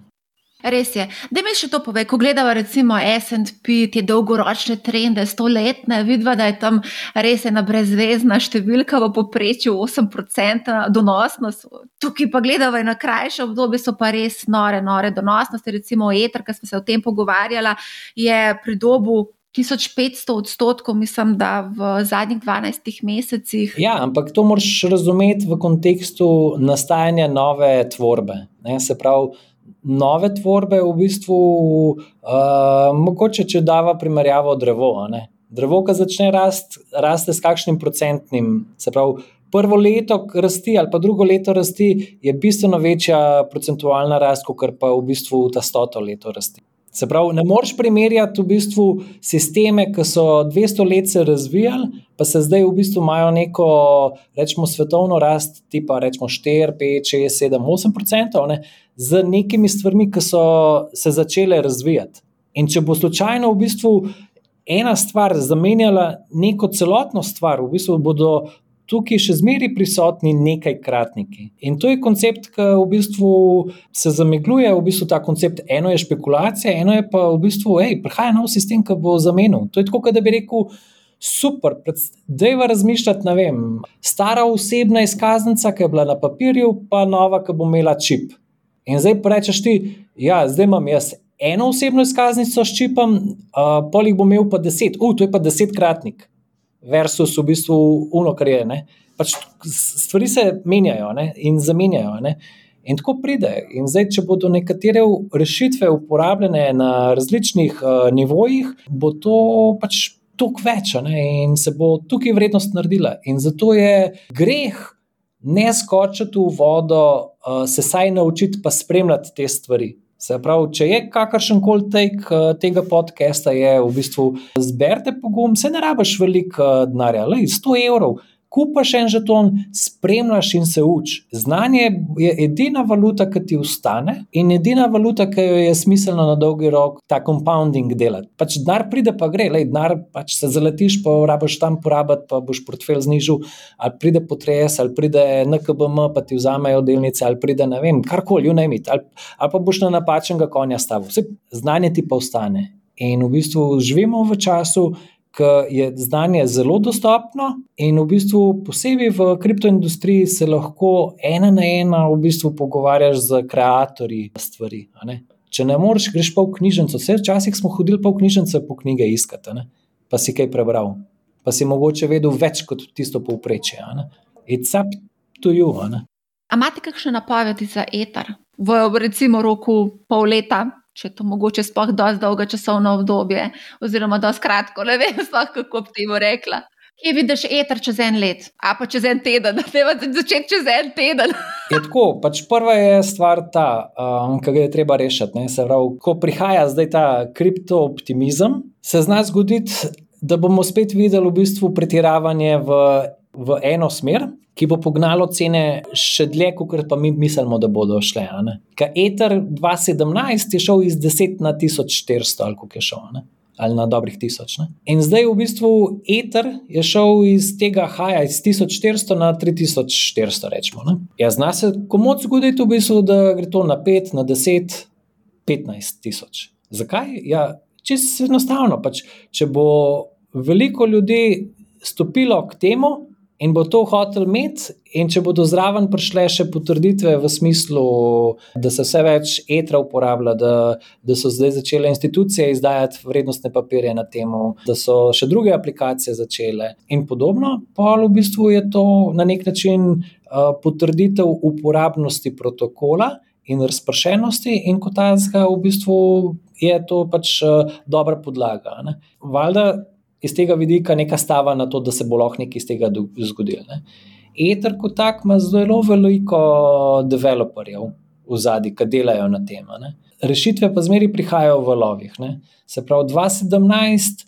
Takrat še nekih rešitev, razen ICO, konteksta pa utility, ni bilo veliko. Ne? Danes pa vidiš, DeFi je že tudi na etru, dosti prisoten, so pa tudi prisotni na drugih protokolih. Um, in to je zgodba, ki lahko potisne in spremeni to vrednost. Ne? Pa, pa če rečeš, ok, to je zdaj, kar se tiče konta. Kaj, kaj se tiče pa dinamike, povpraševanja, pa lej. A ko bo ETF, ko bodo navadni investicijski skladi lahko kupovali, kaj bodo oni rekli? Hej, bom jaz kupil za pol procenta ali pa en procent, vse me nastane. Ampak če bo pa sosed zadev, slučajno pa da jaz nimam, bom pa jaz izgubil službo. Kako deluje, nažalost, naša finančna industrija? Ne? Se pravi, velike benchmarkinga. Ne? Enkrat, ko se bo urinil noter v benchmark, ga bo popeljal spet v nove nivoje. Ne? Zaenkrat še nismo tam. Ne? Tako da pač jaz gledam, da pač kriptotrg je na dobri poti širjenja. Tako da Tako da, če me vprašaš zdaj za cene, ne vem, pač cena lahko niha. Uh, lahko je v bistvu brez problema 5 ali pa 10 ali pa 15 tisoč, lahko je to samo trenutek, lahko je tako pač. Lahko pa pade na 500. Drava ja, sem govorila o višavah, da je še malo. Uh, ko govoriš o benchmarkih, tukaj sem imela s Krunotom Abramovičem kar nekaj uh, debate okrog benchmarkov. Na vaši platformi omogočate pač kopiranje kriptostrategij. Uh, kaj je v bistvu benchmark v kriptosvetu? Eni rečejo, moj benchmark je Bitcoin. Pol imaš pa dosti teh konceptov. Ne? Rečeš, ne vem, moj, moj, moj koncept rečeš, lahko, lahko je prvih pet kovancev benchmark. Vem, znotraj industrije ali pa znotraj v bistvu posamezne niše. Ne? Ok, greva kar naprej. Tretji na seznamu je Binance Coin. To je coin od kriptoborze Binance. Ne? Oni omogočajo vse živo, oni imajo res tako multifunkcionalnost. Ja, oni so dobri, pač v eksekuciji, kopiranju, tudi ostalih idej, pa inovacij, imajo rizik uh, centralizacije, so veliki, oni so, rečemo, diametralno od Coinbase. Se pravi, če Coinbase hoče biti reguliran, pa institutional investors, hoče biti Binance dostopen, pa hiter vsaka taka strategija ima svoje pluse in minuse, pa svoje rizike ob tem. Pač Binance je pač zapolnil tisto vrzel 2017, ki je prišel na trg, pa je ponudil vlagateljem vse kojne, ki so pač bili možni. Takrat je bilo tako, pač vse še danes. Ne? Ene kovance lahko trediš na eni borzi, ene na drugi borzi, in pa moraš skakati, prenašati levo, desno. Binance je takrat to rešil Dajmo vse zlistati na našo borzo, pa bodo prišli vsi traderji, k meni, imeli ta pravo likvidnost, spustimo cene in smo zmagali. In so zmagali iz, iz tega vidika. Ne. Zdaj, če gledaš podatkovno, se pravi, koliko oni brnajo, pa koliko imajo tega zaslužka, so na bistveno nižjih maržah kot pa Coinbase. Zdaj, primerljivo, kaj to pomeni? Ja, to pač pomeni, da v bistvu ali A, da res probajo pač cenovno politiko imeti tako, da je pač čisti kanibalizem, se pravi, da bo sam še Binance vstal, ker se drugim ne usplačala. Oziroma, pač drugi bodo mogli poiskati druge vrednote temu. Ne. Kako bo to v prihodnje, bomo videli, ampak lej, pač Binance ima v večjih državah svoje entitete, tudi mislim, da grejo po določene licence. Da sej, sam je, je dobra primerjava.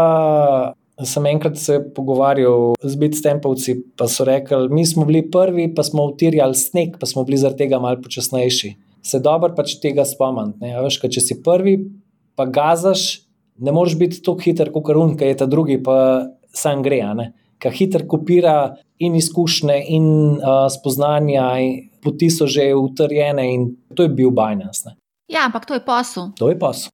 Ja, ampak mali vlagatelj hoče zaslužiti. Torej, a, kaj bi rekel za Binance Coin? Je zanimiva naložba? Če bo trg, v bistvu Binance Coin je v bistvu z rizikom counterpartija, ne, se pravi entitete kot take, v bistvu je stava na kriptotrg. Kaj pa recimo Coinbase? Oni so eh, se zlistali na borzo, klasično borzo, tržna kapitalizacija je ta hip 52 milijard, kupi, drži, prodaj. Ja, jaz mislim, to treba kupovati. A to si nabavil, imaš eh, v portfelju? Nimaš. Ne, jaz že dolgo nisem kupil delnic. Ja, je, ne, še imam še cinkarno. Pa, ja. A v, v tujini pa nič nisi kupoval zadnje čase? Recimo, mm, Ne. Uh, za dolž coin si že tako povedal, da ti je čist meme ne kar dejansko. Uh, to je meme coin, ne mimo coin. Ja, ja, ja, ne, ampak jaz sem te razumela, da ti je tudi meme coin. Ne, v bistvu ima svojo logiko, ki je čist relevantna, ampak jaz pač ne bi investiral. Ne? Se pravi, ga ne zaničujem, je na svojem mestu. Lej, eni so zaslužili, en bo sigurno kaj izgubil, ampak lej, vsakemu svoje. Deva povedati še eno zanimivost, uh, ta, uh, Japo ta kuža, ne? to je japonska lovska pasma Shiba Inu, če sem ja. prav izgovorila. Ja. No, v glavnem, a ti veš, oziroma verjeten veš, da Dogecoin ni omejen in v osnovi se ga lahko narodari neskončno. Ne? Ja. To je, ali je to zdaj prednost, ali je to slabost, ali bomo šli v to smer, ali bo kar naenkrat čudežno se pojavil tudi mogoče um, še kakšna dodatna količina bitcoinov. ja, to je tako, kot da bi rekel, možnost biti dilutiran, se pravi razvrednoten, To je ta možnost v bistvu nove emisije, brez da bi kogarkoli vprašal, je rizik obstoječih uh, lastnikov. Se pravi, če imaš ti delnico, je isti šmoren. Se pravi, če imaš dobička 10 enot, pa če mi reče predsednik uprave, zdaj bom imel pa še dodatnih 100 delnic. Poluna moja delnica ni več na. Je večje število delnic, se razdeli teh 10 enot. To je problem. Po mojem, se premalo o tem govori. Pač dokler ne zaboli, ne pač. Dokler bo Elon Musk delal reklamo, lej, ne bo bolel. Ne? Veš, je pa tudi to res, da ne moreš izključiti pač, pa drugega scenarija, ne? da pride pa neki utility, pa se pa pa zaradi fore. Veš, lahko se, zgodi, lahko se zgodi, da pa bo Elon Musk rekel, od zdaj naprej se bo pa to uporabljalo, tukaj pa tukaj pa bo full dobro, pa bomo nek smisel najdel. Pa se v bistvu se je že zgodilo to. Mark Cuban je v bistvu rekel: Pridite k meni, zapravite mojo trgovino, pri meni lahko dobite. In on je celo rekel, da so opazili, da pri Dogecoinu ni tega hodlanja, kot je recimo pri Bitcoinu. Ne? Tako da so pripravljeni v bistvu hitro unovčevati Dogecoin. Ripple si že povedal, on je na petem mestu, mar se kdo pravi, da, da je to fake valuta, da ni prava uh, valuta. Ja, Ripple, pač veliko je bilo reklamiranja, veliko je bilo v bistvu govora, kaj bo, kako bo. Ko sem hodil okrog po teh sejmih, pa videl njihove pač, prodajalce oziroma predstavnike, pa so govorili, pa pa ko pogledam danes, kje so, pač mi še zmer manjka kar nekaj vsebine. Ne. Zato jaz pravim, pač to jaz ne bi kupil, ker pač tega ni. Ne? ne vem, kaj je tam v zadnji. Lahko bo, lahko ne bo, nej, vsak naj svoje pač ocena. Ne? Tako da jaz bi, naprimer, to bi sigurno preskočil. Ne? Gremo še na ta zadnjo, stablecoin, Tether. Stablecoini so v bistvu nova zgodba. Ne? To je name of the game, če bi tako rekel. Ne? Če je Bitcoin hranilec eh, neke vrednosti, ne? je stablecoin v bistvu tisto, kar je ki se plačuje, ki se uporablja. Tudi, vem, če greš na Binance, naprimer, je večina parov v Tetru. Zdaj, veliko je bilo špekulacije, pa govora, da je na tek Tetr, predvsem zaradi tega, ker naj bi bilo v bistvu ena proti ena in je bilo veliko gibanja, sploh je ta denar v zadnji ali ni. Pol ga nekaj ni bilo, pa je bila kriza, pa so bila pričakovanja, da bi to lahko počel, zdaj se pa kar drži, pa na zadnjega je Coinbase uh, zlistal, pa Bitstamp, mislim, da ga bo tudi. Tako da, kot bom rekel, pač Tether je ta trenutek najbolj uporaben stablecoin v kriptoindustriji. Zaenkrat v bistvu je bilo veliko uh, špekulacij, da je to lahko tudi en del na tega. Neki so v bistvu te špekulacije uspeli završiti, ker so dostavljali določene revizije, pa dokazila, da nekaj je v ozadju garantiran denar. Kaj se bo pa zgodilo, kako se bo zgodilo, pa ne vemo. Pač tveganje pa je, pravi, tako kot smo se prej pogovarjali, ne? ima tudi te tveganje. Ne? Tako da meni bližje je rajš v bistvu algoritmični stablecoin, kjer je matematika v zadnji. Ne? ne pa tukaj spet neka centralna enota, ne? ki pravi, jaz sem prevzel v bistvu garancijo. Ne? Centralna enota je zmeri problematična, ker jo lahko kdo odseka ali jo spremeni. Če imaš pa ti necentralizirano matematično obliko, je pa malo lažje tega ni. Pač to je tvorba, ki živi sama od sebe. Ja, v bistvu niso dostavili to, kar bi mogli dostaviti. 70 odstotkov kritja v bistvu so do, lahko dokazali, da imajo. Okay, da mi povej, um, je tebi ljubša slika na steni ali ti je ljubša slika na računalniku ali pa na telefonu? Ja, meni je najljubša slika v naravi. Vsaka ima svoje prednosti. Ne na telefonu je dobro, zato ker lahko uh, zumaš. Ne? Pa lahko vidiš detajle, ki jih mogoče drugače ne bi videl. Na steni je pa dobro, zato ker je včasih v bistvu subtilna. Ne? Jo gledaš tudi takrat, ko jo ne gledaš. Tako da v bistvu težko ti dam odgovor. Pač. Uh, govorimo non-fungible, to, kar se veš, ne. Dogajajo se ekscesi, to je zelo vroča stvar. Mislim, za 50 milijonov lahko prodaš neko sliko ali pa tweet uh, za par milijonov ali pa komat za par milijonov. Ne. Kaj si recimo misliš o NFT-jih? Ne vem, jaz bi mogoče ponudil še drug, drug spektr razmišljanja. Takaj kupu NFT za takrat vrednih vem, 60 ali 70 milijonov od teh uh, Beeple, od teh uh, First 5000 Days. Ne? Kaj če je ta eter bil kupljen po pol dolarja, pa je v bistvu on rekel, ah, to mi je skupaj za 10 tisoč evrov. To hočem reči. Ne? Se pravi, veliko ljudi, ki danes s kriptom kaj kupuje v ekscesnih številkah, uh, absolutnih, se pravi nominalnih, je v njihovih glavah lahko samo nabavna nakupna vrednost, ki je lahko zelo, zelo nizka. In v bistvu iz tega se lahko razloži, pač, ja, da so ljudje pripravljeni dati uh, velike denarje, zato ker te, ko bi rekel, sicer po krivici, easy come, easy go, ampak kupec ni garal v bistvu 40 let, da je prišel do 50 milijonov, pa pol kupu nekaj tazga. Ne. Drugače pa ja, pač ustvarja se nov, pač nov svet, digitalni. Ne. Smo šele na začetku. Ne. Um, enkrat, v bistvu, čeprav Second Life je že ponudil neke zametke virtualnega sveta. Ne. Danes lahko vidimo decentralized mane, tudi svet ponuja, kjer kupujejo zemljišča v virtualnem svetu. Te stvari se, zdaj se sem skanaliziral. Ne. Na koncu bo veljala pač ekonomija, pač ponudba pa vprašanje. Če bodo uspeli prepričati veliko ljudi, da je to zanimivo, pa da ima to nek statusni simbol, zakaj pa ne? Vse je isti šmoren, v bistvu ne vem. Zakaj pa je statusni simbol postala zlata verižica okrog vrtu ne? ali pa diamant na, na prstu. Vse pač to nas je, ne vem, rariteta. Ne? Zato tudi, ne vem, kriptopanksi, ki jih je omejeno število, pač imajo zdaj že take cene zaradi raritete. Bitcoin isto, rariteta. Ne? Se lahko se ti bo zgodilo v bistvu, ko bo Bitcoinov kot takih zmanjkalo na ponudbi, bo sledil znaten preskok vrednosti. Zato, ker, ker naenkrat bo v bistvu ne bo samo 1%, 10% zanihal, ampak bo, ne vem, kaj pa če se bo zgodil iz 50 tisoč na 200 tisoč, kar naenkrat. Se bodo rekli, zakaj pa? Potem bo pa rekel en. Ja, a veš zakaj? Zato, ker vsak milijonar ga pa ne more imeti. Kako to misliš? Ja, ker milijonarjev na svetu je več kot 21 milijonov, bitcoinov je tudi 21 milijonov, sprav.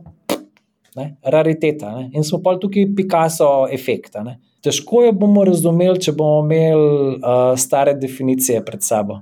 Jaz se s tem strinjam, ker res recimo meni je jasen, zakaj moj otrok hoče kupiti še deseto inačico skina e, v Fortnite.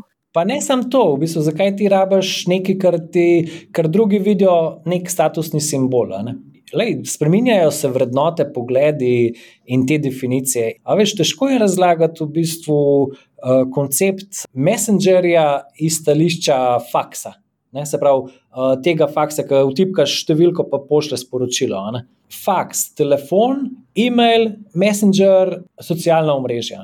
Pač evolucija gre naprej. Je zelo enostavno reči, da je nek natek, tu kompleks, ne razumem.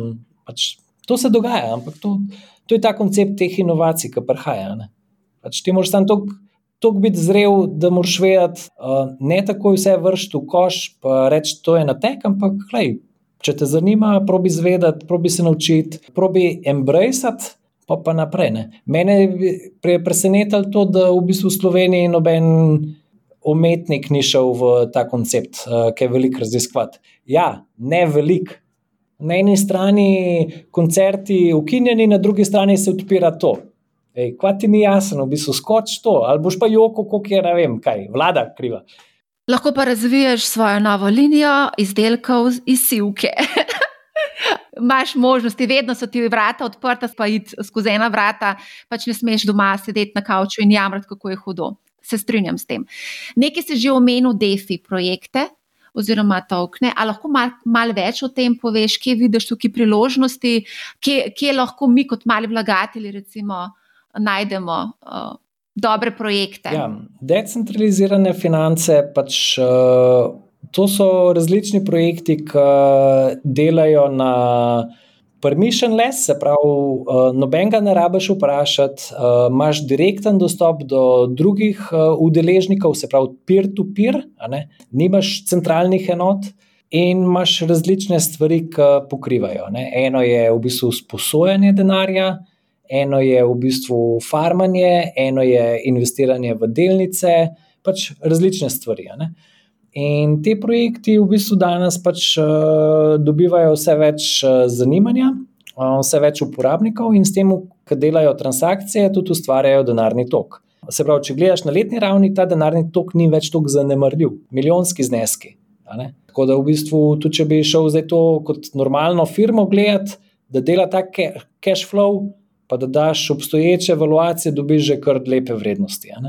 Znotraj tega, zdaj, če samo opišem, naprimer, ta koncept posoje. Ne, se pravi, jaz sem kriptotrgovec, imam en bitcoin in si hočem še sposoditi nekaj denarja.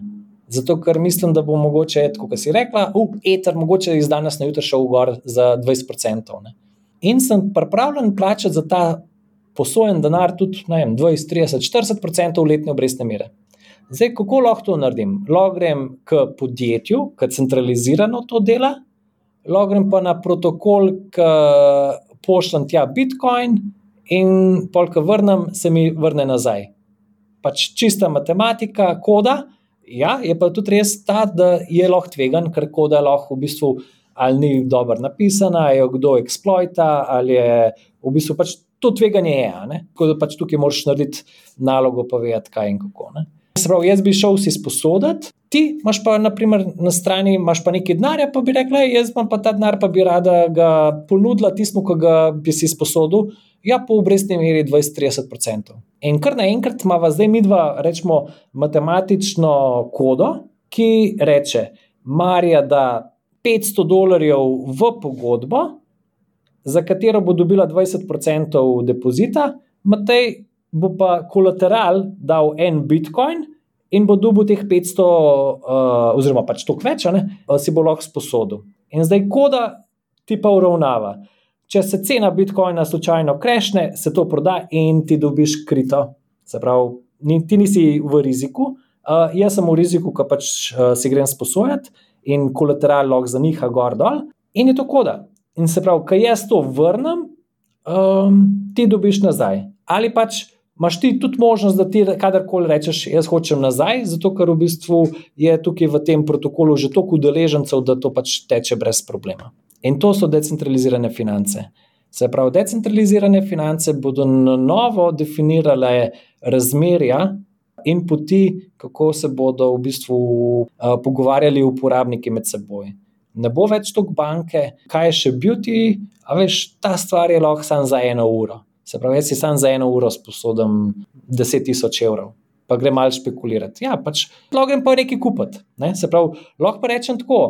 Jaz imam, rečemo, en bitcoin in zdaj bom čakal, verjamem, da bo to šlo vem, iz 10 na 20, pa si sposodim nekaj denarja, pripravljen sem plačati 10-20% na leto, to je moja zastava. Na mestu, da hišo zastavim, uh, bom tukaj. In to uredim v pol minute. In to so novi koncepti. Ko marsikdo uh, se verjetno ustraši vsega skupaj, ker je, ker je preveč vsega naenkrat. Veliko tega, pa slišiš se zelo zakomplicirano. Če dodavaš še čepet zraven prevar, ki se tukaj dogajajo. In tukaj imamo eno zelo veliko zmešnjavo, in mogoče ne bi bilo šlo, da bi bila vse ena regulacija tukaj. Vse je regulacija. Da mi povej, tvoja žena, a se ona tudi ukvarja s kriptovalutami? Koliko žensk je v kriptosvetu? Je kar nekaj je. Tudi veliko uh, programerk gre v kontekst, se pravi, eno je v bistvu investitor. Naj se pravi, teh, ki investirajo, eno je pa, koliko, je pa, koliko jih je v kriptosvetu, v smislu, koliko jih programira, koliko jih ustvarja, nekih je. Ne? Jaz vedno pravim, da je v bistvu kripto, da so investicije v kriptovalute zelo testosteronska naložba, zelo špekulativna, konec koncev, že malo žensk je v tako špekulativnih naložbah. Ne samo v naložbah, kriptonaložbah, tudi sam, v, samem, v samih delnicah ne, je v bistvu procentualno gledano bistveno, bistveno manj žensk. Ne.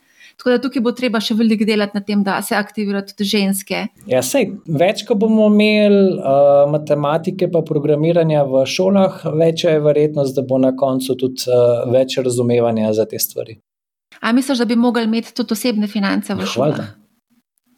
A ti veš, da se učijo v, pri gospodinstvu, delnicah, vzajemnih skladih, uh, in pa v borzi. Uh, to je napisano, mislim da, mislim, da niti pol strani temu ni namenjeno. Imamo pa o družinskem budžetu na par strani. Te, te koncepti so pač mimo. To je v bistvu, po mojem, lahko še stara paradigma, da je bolj šmet neizobražene ljudi, ki jih imaš lažje pod kontrolo, kot pa izobražene. Ne? O kriptovalutah se ne govori. Ne, o kriptovalutah se ne govori, ampak uh, verjamem pa, da boš v bistvu uh, med mladimi hitro videla, da tiska je na Fortniteu, pa na teh, pa na Discord kanalih, pa na Twitchu, da bo hitro videl, v bistvu, da bo tam zelo hitro izpostavljen vsej tej tematiki in se bo tam učil. Tako kot smo se mi nekoč učili na, ne vem, prek drugih kanalov o drugih stvarih. Ej, uh, drugač pa jaz sem ti že povedala, desetletniki, dvanajstletniki že investirajo v kriptovalute, tudi nekako spoznavajo svet investiranja preko tega, tako da to ni nič narobe, ampak vseeno mogoče, da mal spoznajo tudi drug svet, to je delni borzo, klasično borzo, pa da mal bolj razpršijo svoje tveganja. Tudi to je neka pomembna lekcija. Vse je stvar rizika in velikostnega reda. Ne? Se pravi, nič ni narobe, če desetletnik z 50 evri, na mestu, da kup 10 skinov uh, v neki igrici, uh, kup Dogecoin, pa se zabava, pa gleda, pa, pa vidi. Uh, zato, ker to je vse učna ura, zato, ker bo šel čez vse te uh, faze pohlepa, razumevanja z relativno nizkim denarjem. Bolje je pomembno to, da v bistvu ti danes v bistvu se postaviš v pozicijo, da si izpostavljen temu dogajanju in tem novicam, in da jih z zanimanjem prebiraš. Ne da rečeš, uh, mene to ne zanima, pika, stop je čau. Ne, ne biti Warren Buffett, attitude napram temu bodi Warren Buffett v smislu Coca-Cola, se pravi, tudi on je takrat dobro preveril, kaj delajo, preveril je cash flow, preveril je vse te stvari, ki so mogle biti na mestu, da je pol naredil rezultata. Ne. In danes pač je vse isti recept, samo pač druge sestavine so. Ne. Ampak zna se pa zgoditi, da bo, če bo šlo tako naprej, ta digitalizacija. Bodo vse stvari, kot si prej omenila, ko bo umetnost digitalizirana, ne, boš lahko ti kupil košček Picasa. Veš, danes ne moreš biti lastnik Picasa. Rekel, predstavljaj si muzej, imaš Picasso, pa rab muzej financirati novo krilo. Pa bo rekel, da bomo prodati 10% tega Picasa med ljudmi. Mi ga bomo še zmeraj hranili, tukaj bo, market bo tam in ga bomo tokenizirali. To pa je že predstavljivo. Ne? Se pravi, vrednost nečesa, originala, vezana na digitalni token, vrednost je znana, sekundarni trg se vzpostavlja, ti kupiš, prodaš, muzej je pa skrbnik premoženja. Okay, mislim, da sva, upam, da sva obdelala vse. Matej, to maži najlepša hvala za zelo, zelo zanimiv pogovor. Mene bo da best. Hvala ti. Eufan, ajde. Tako, to je bil uvod v kripto svet. O tem bomo seveda bolj poglobljeno govorili tudi v prihodnje. Za konec pa dve opozorili. Balon se napihuje, zato previdno. In drugič, pazite se prevarantov. Teh je zdaj precej, saj tam, kjer je dim, je tudi ogenj. Še enkrat zabeležite si 18. maj ob 17. uri, Mani Log z Damienom Merlakom, Andražom Grahkom in Tonijem Jukičem. Z vami bomo v živo, povezavo bomo poslali preko e-pisma, na katerega se lahko naročite preko businessspace.com. Če imate kakršno koli vprašanje, mi pišite na marja afna businessspace.com ali preko katerega od družbenih omrežij. Naročite se na podcast Manihau, zelo bom vesela, če boste posredovali informacijo o podkastu prijateljem, znancem, sorodnikom in vsem, za katere menite, da bi jim vsebina lahko koristila. Poslušajte Manihau, ne bo vam žal. Lep pozdrav!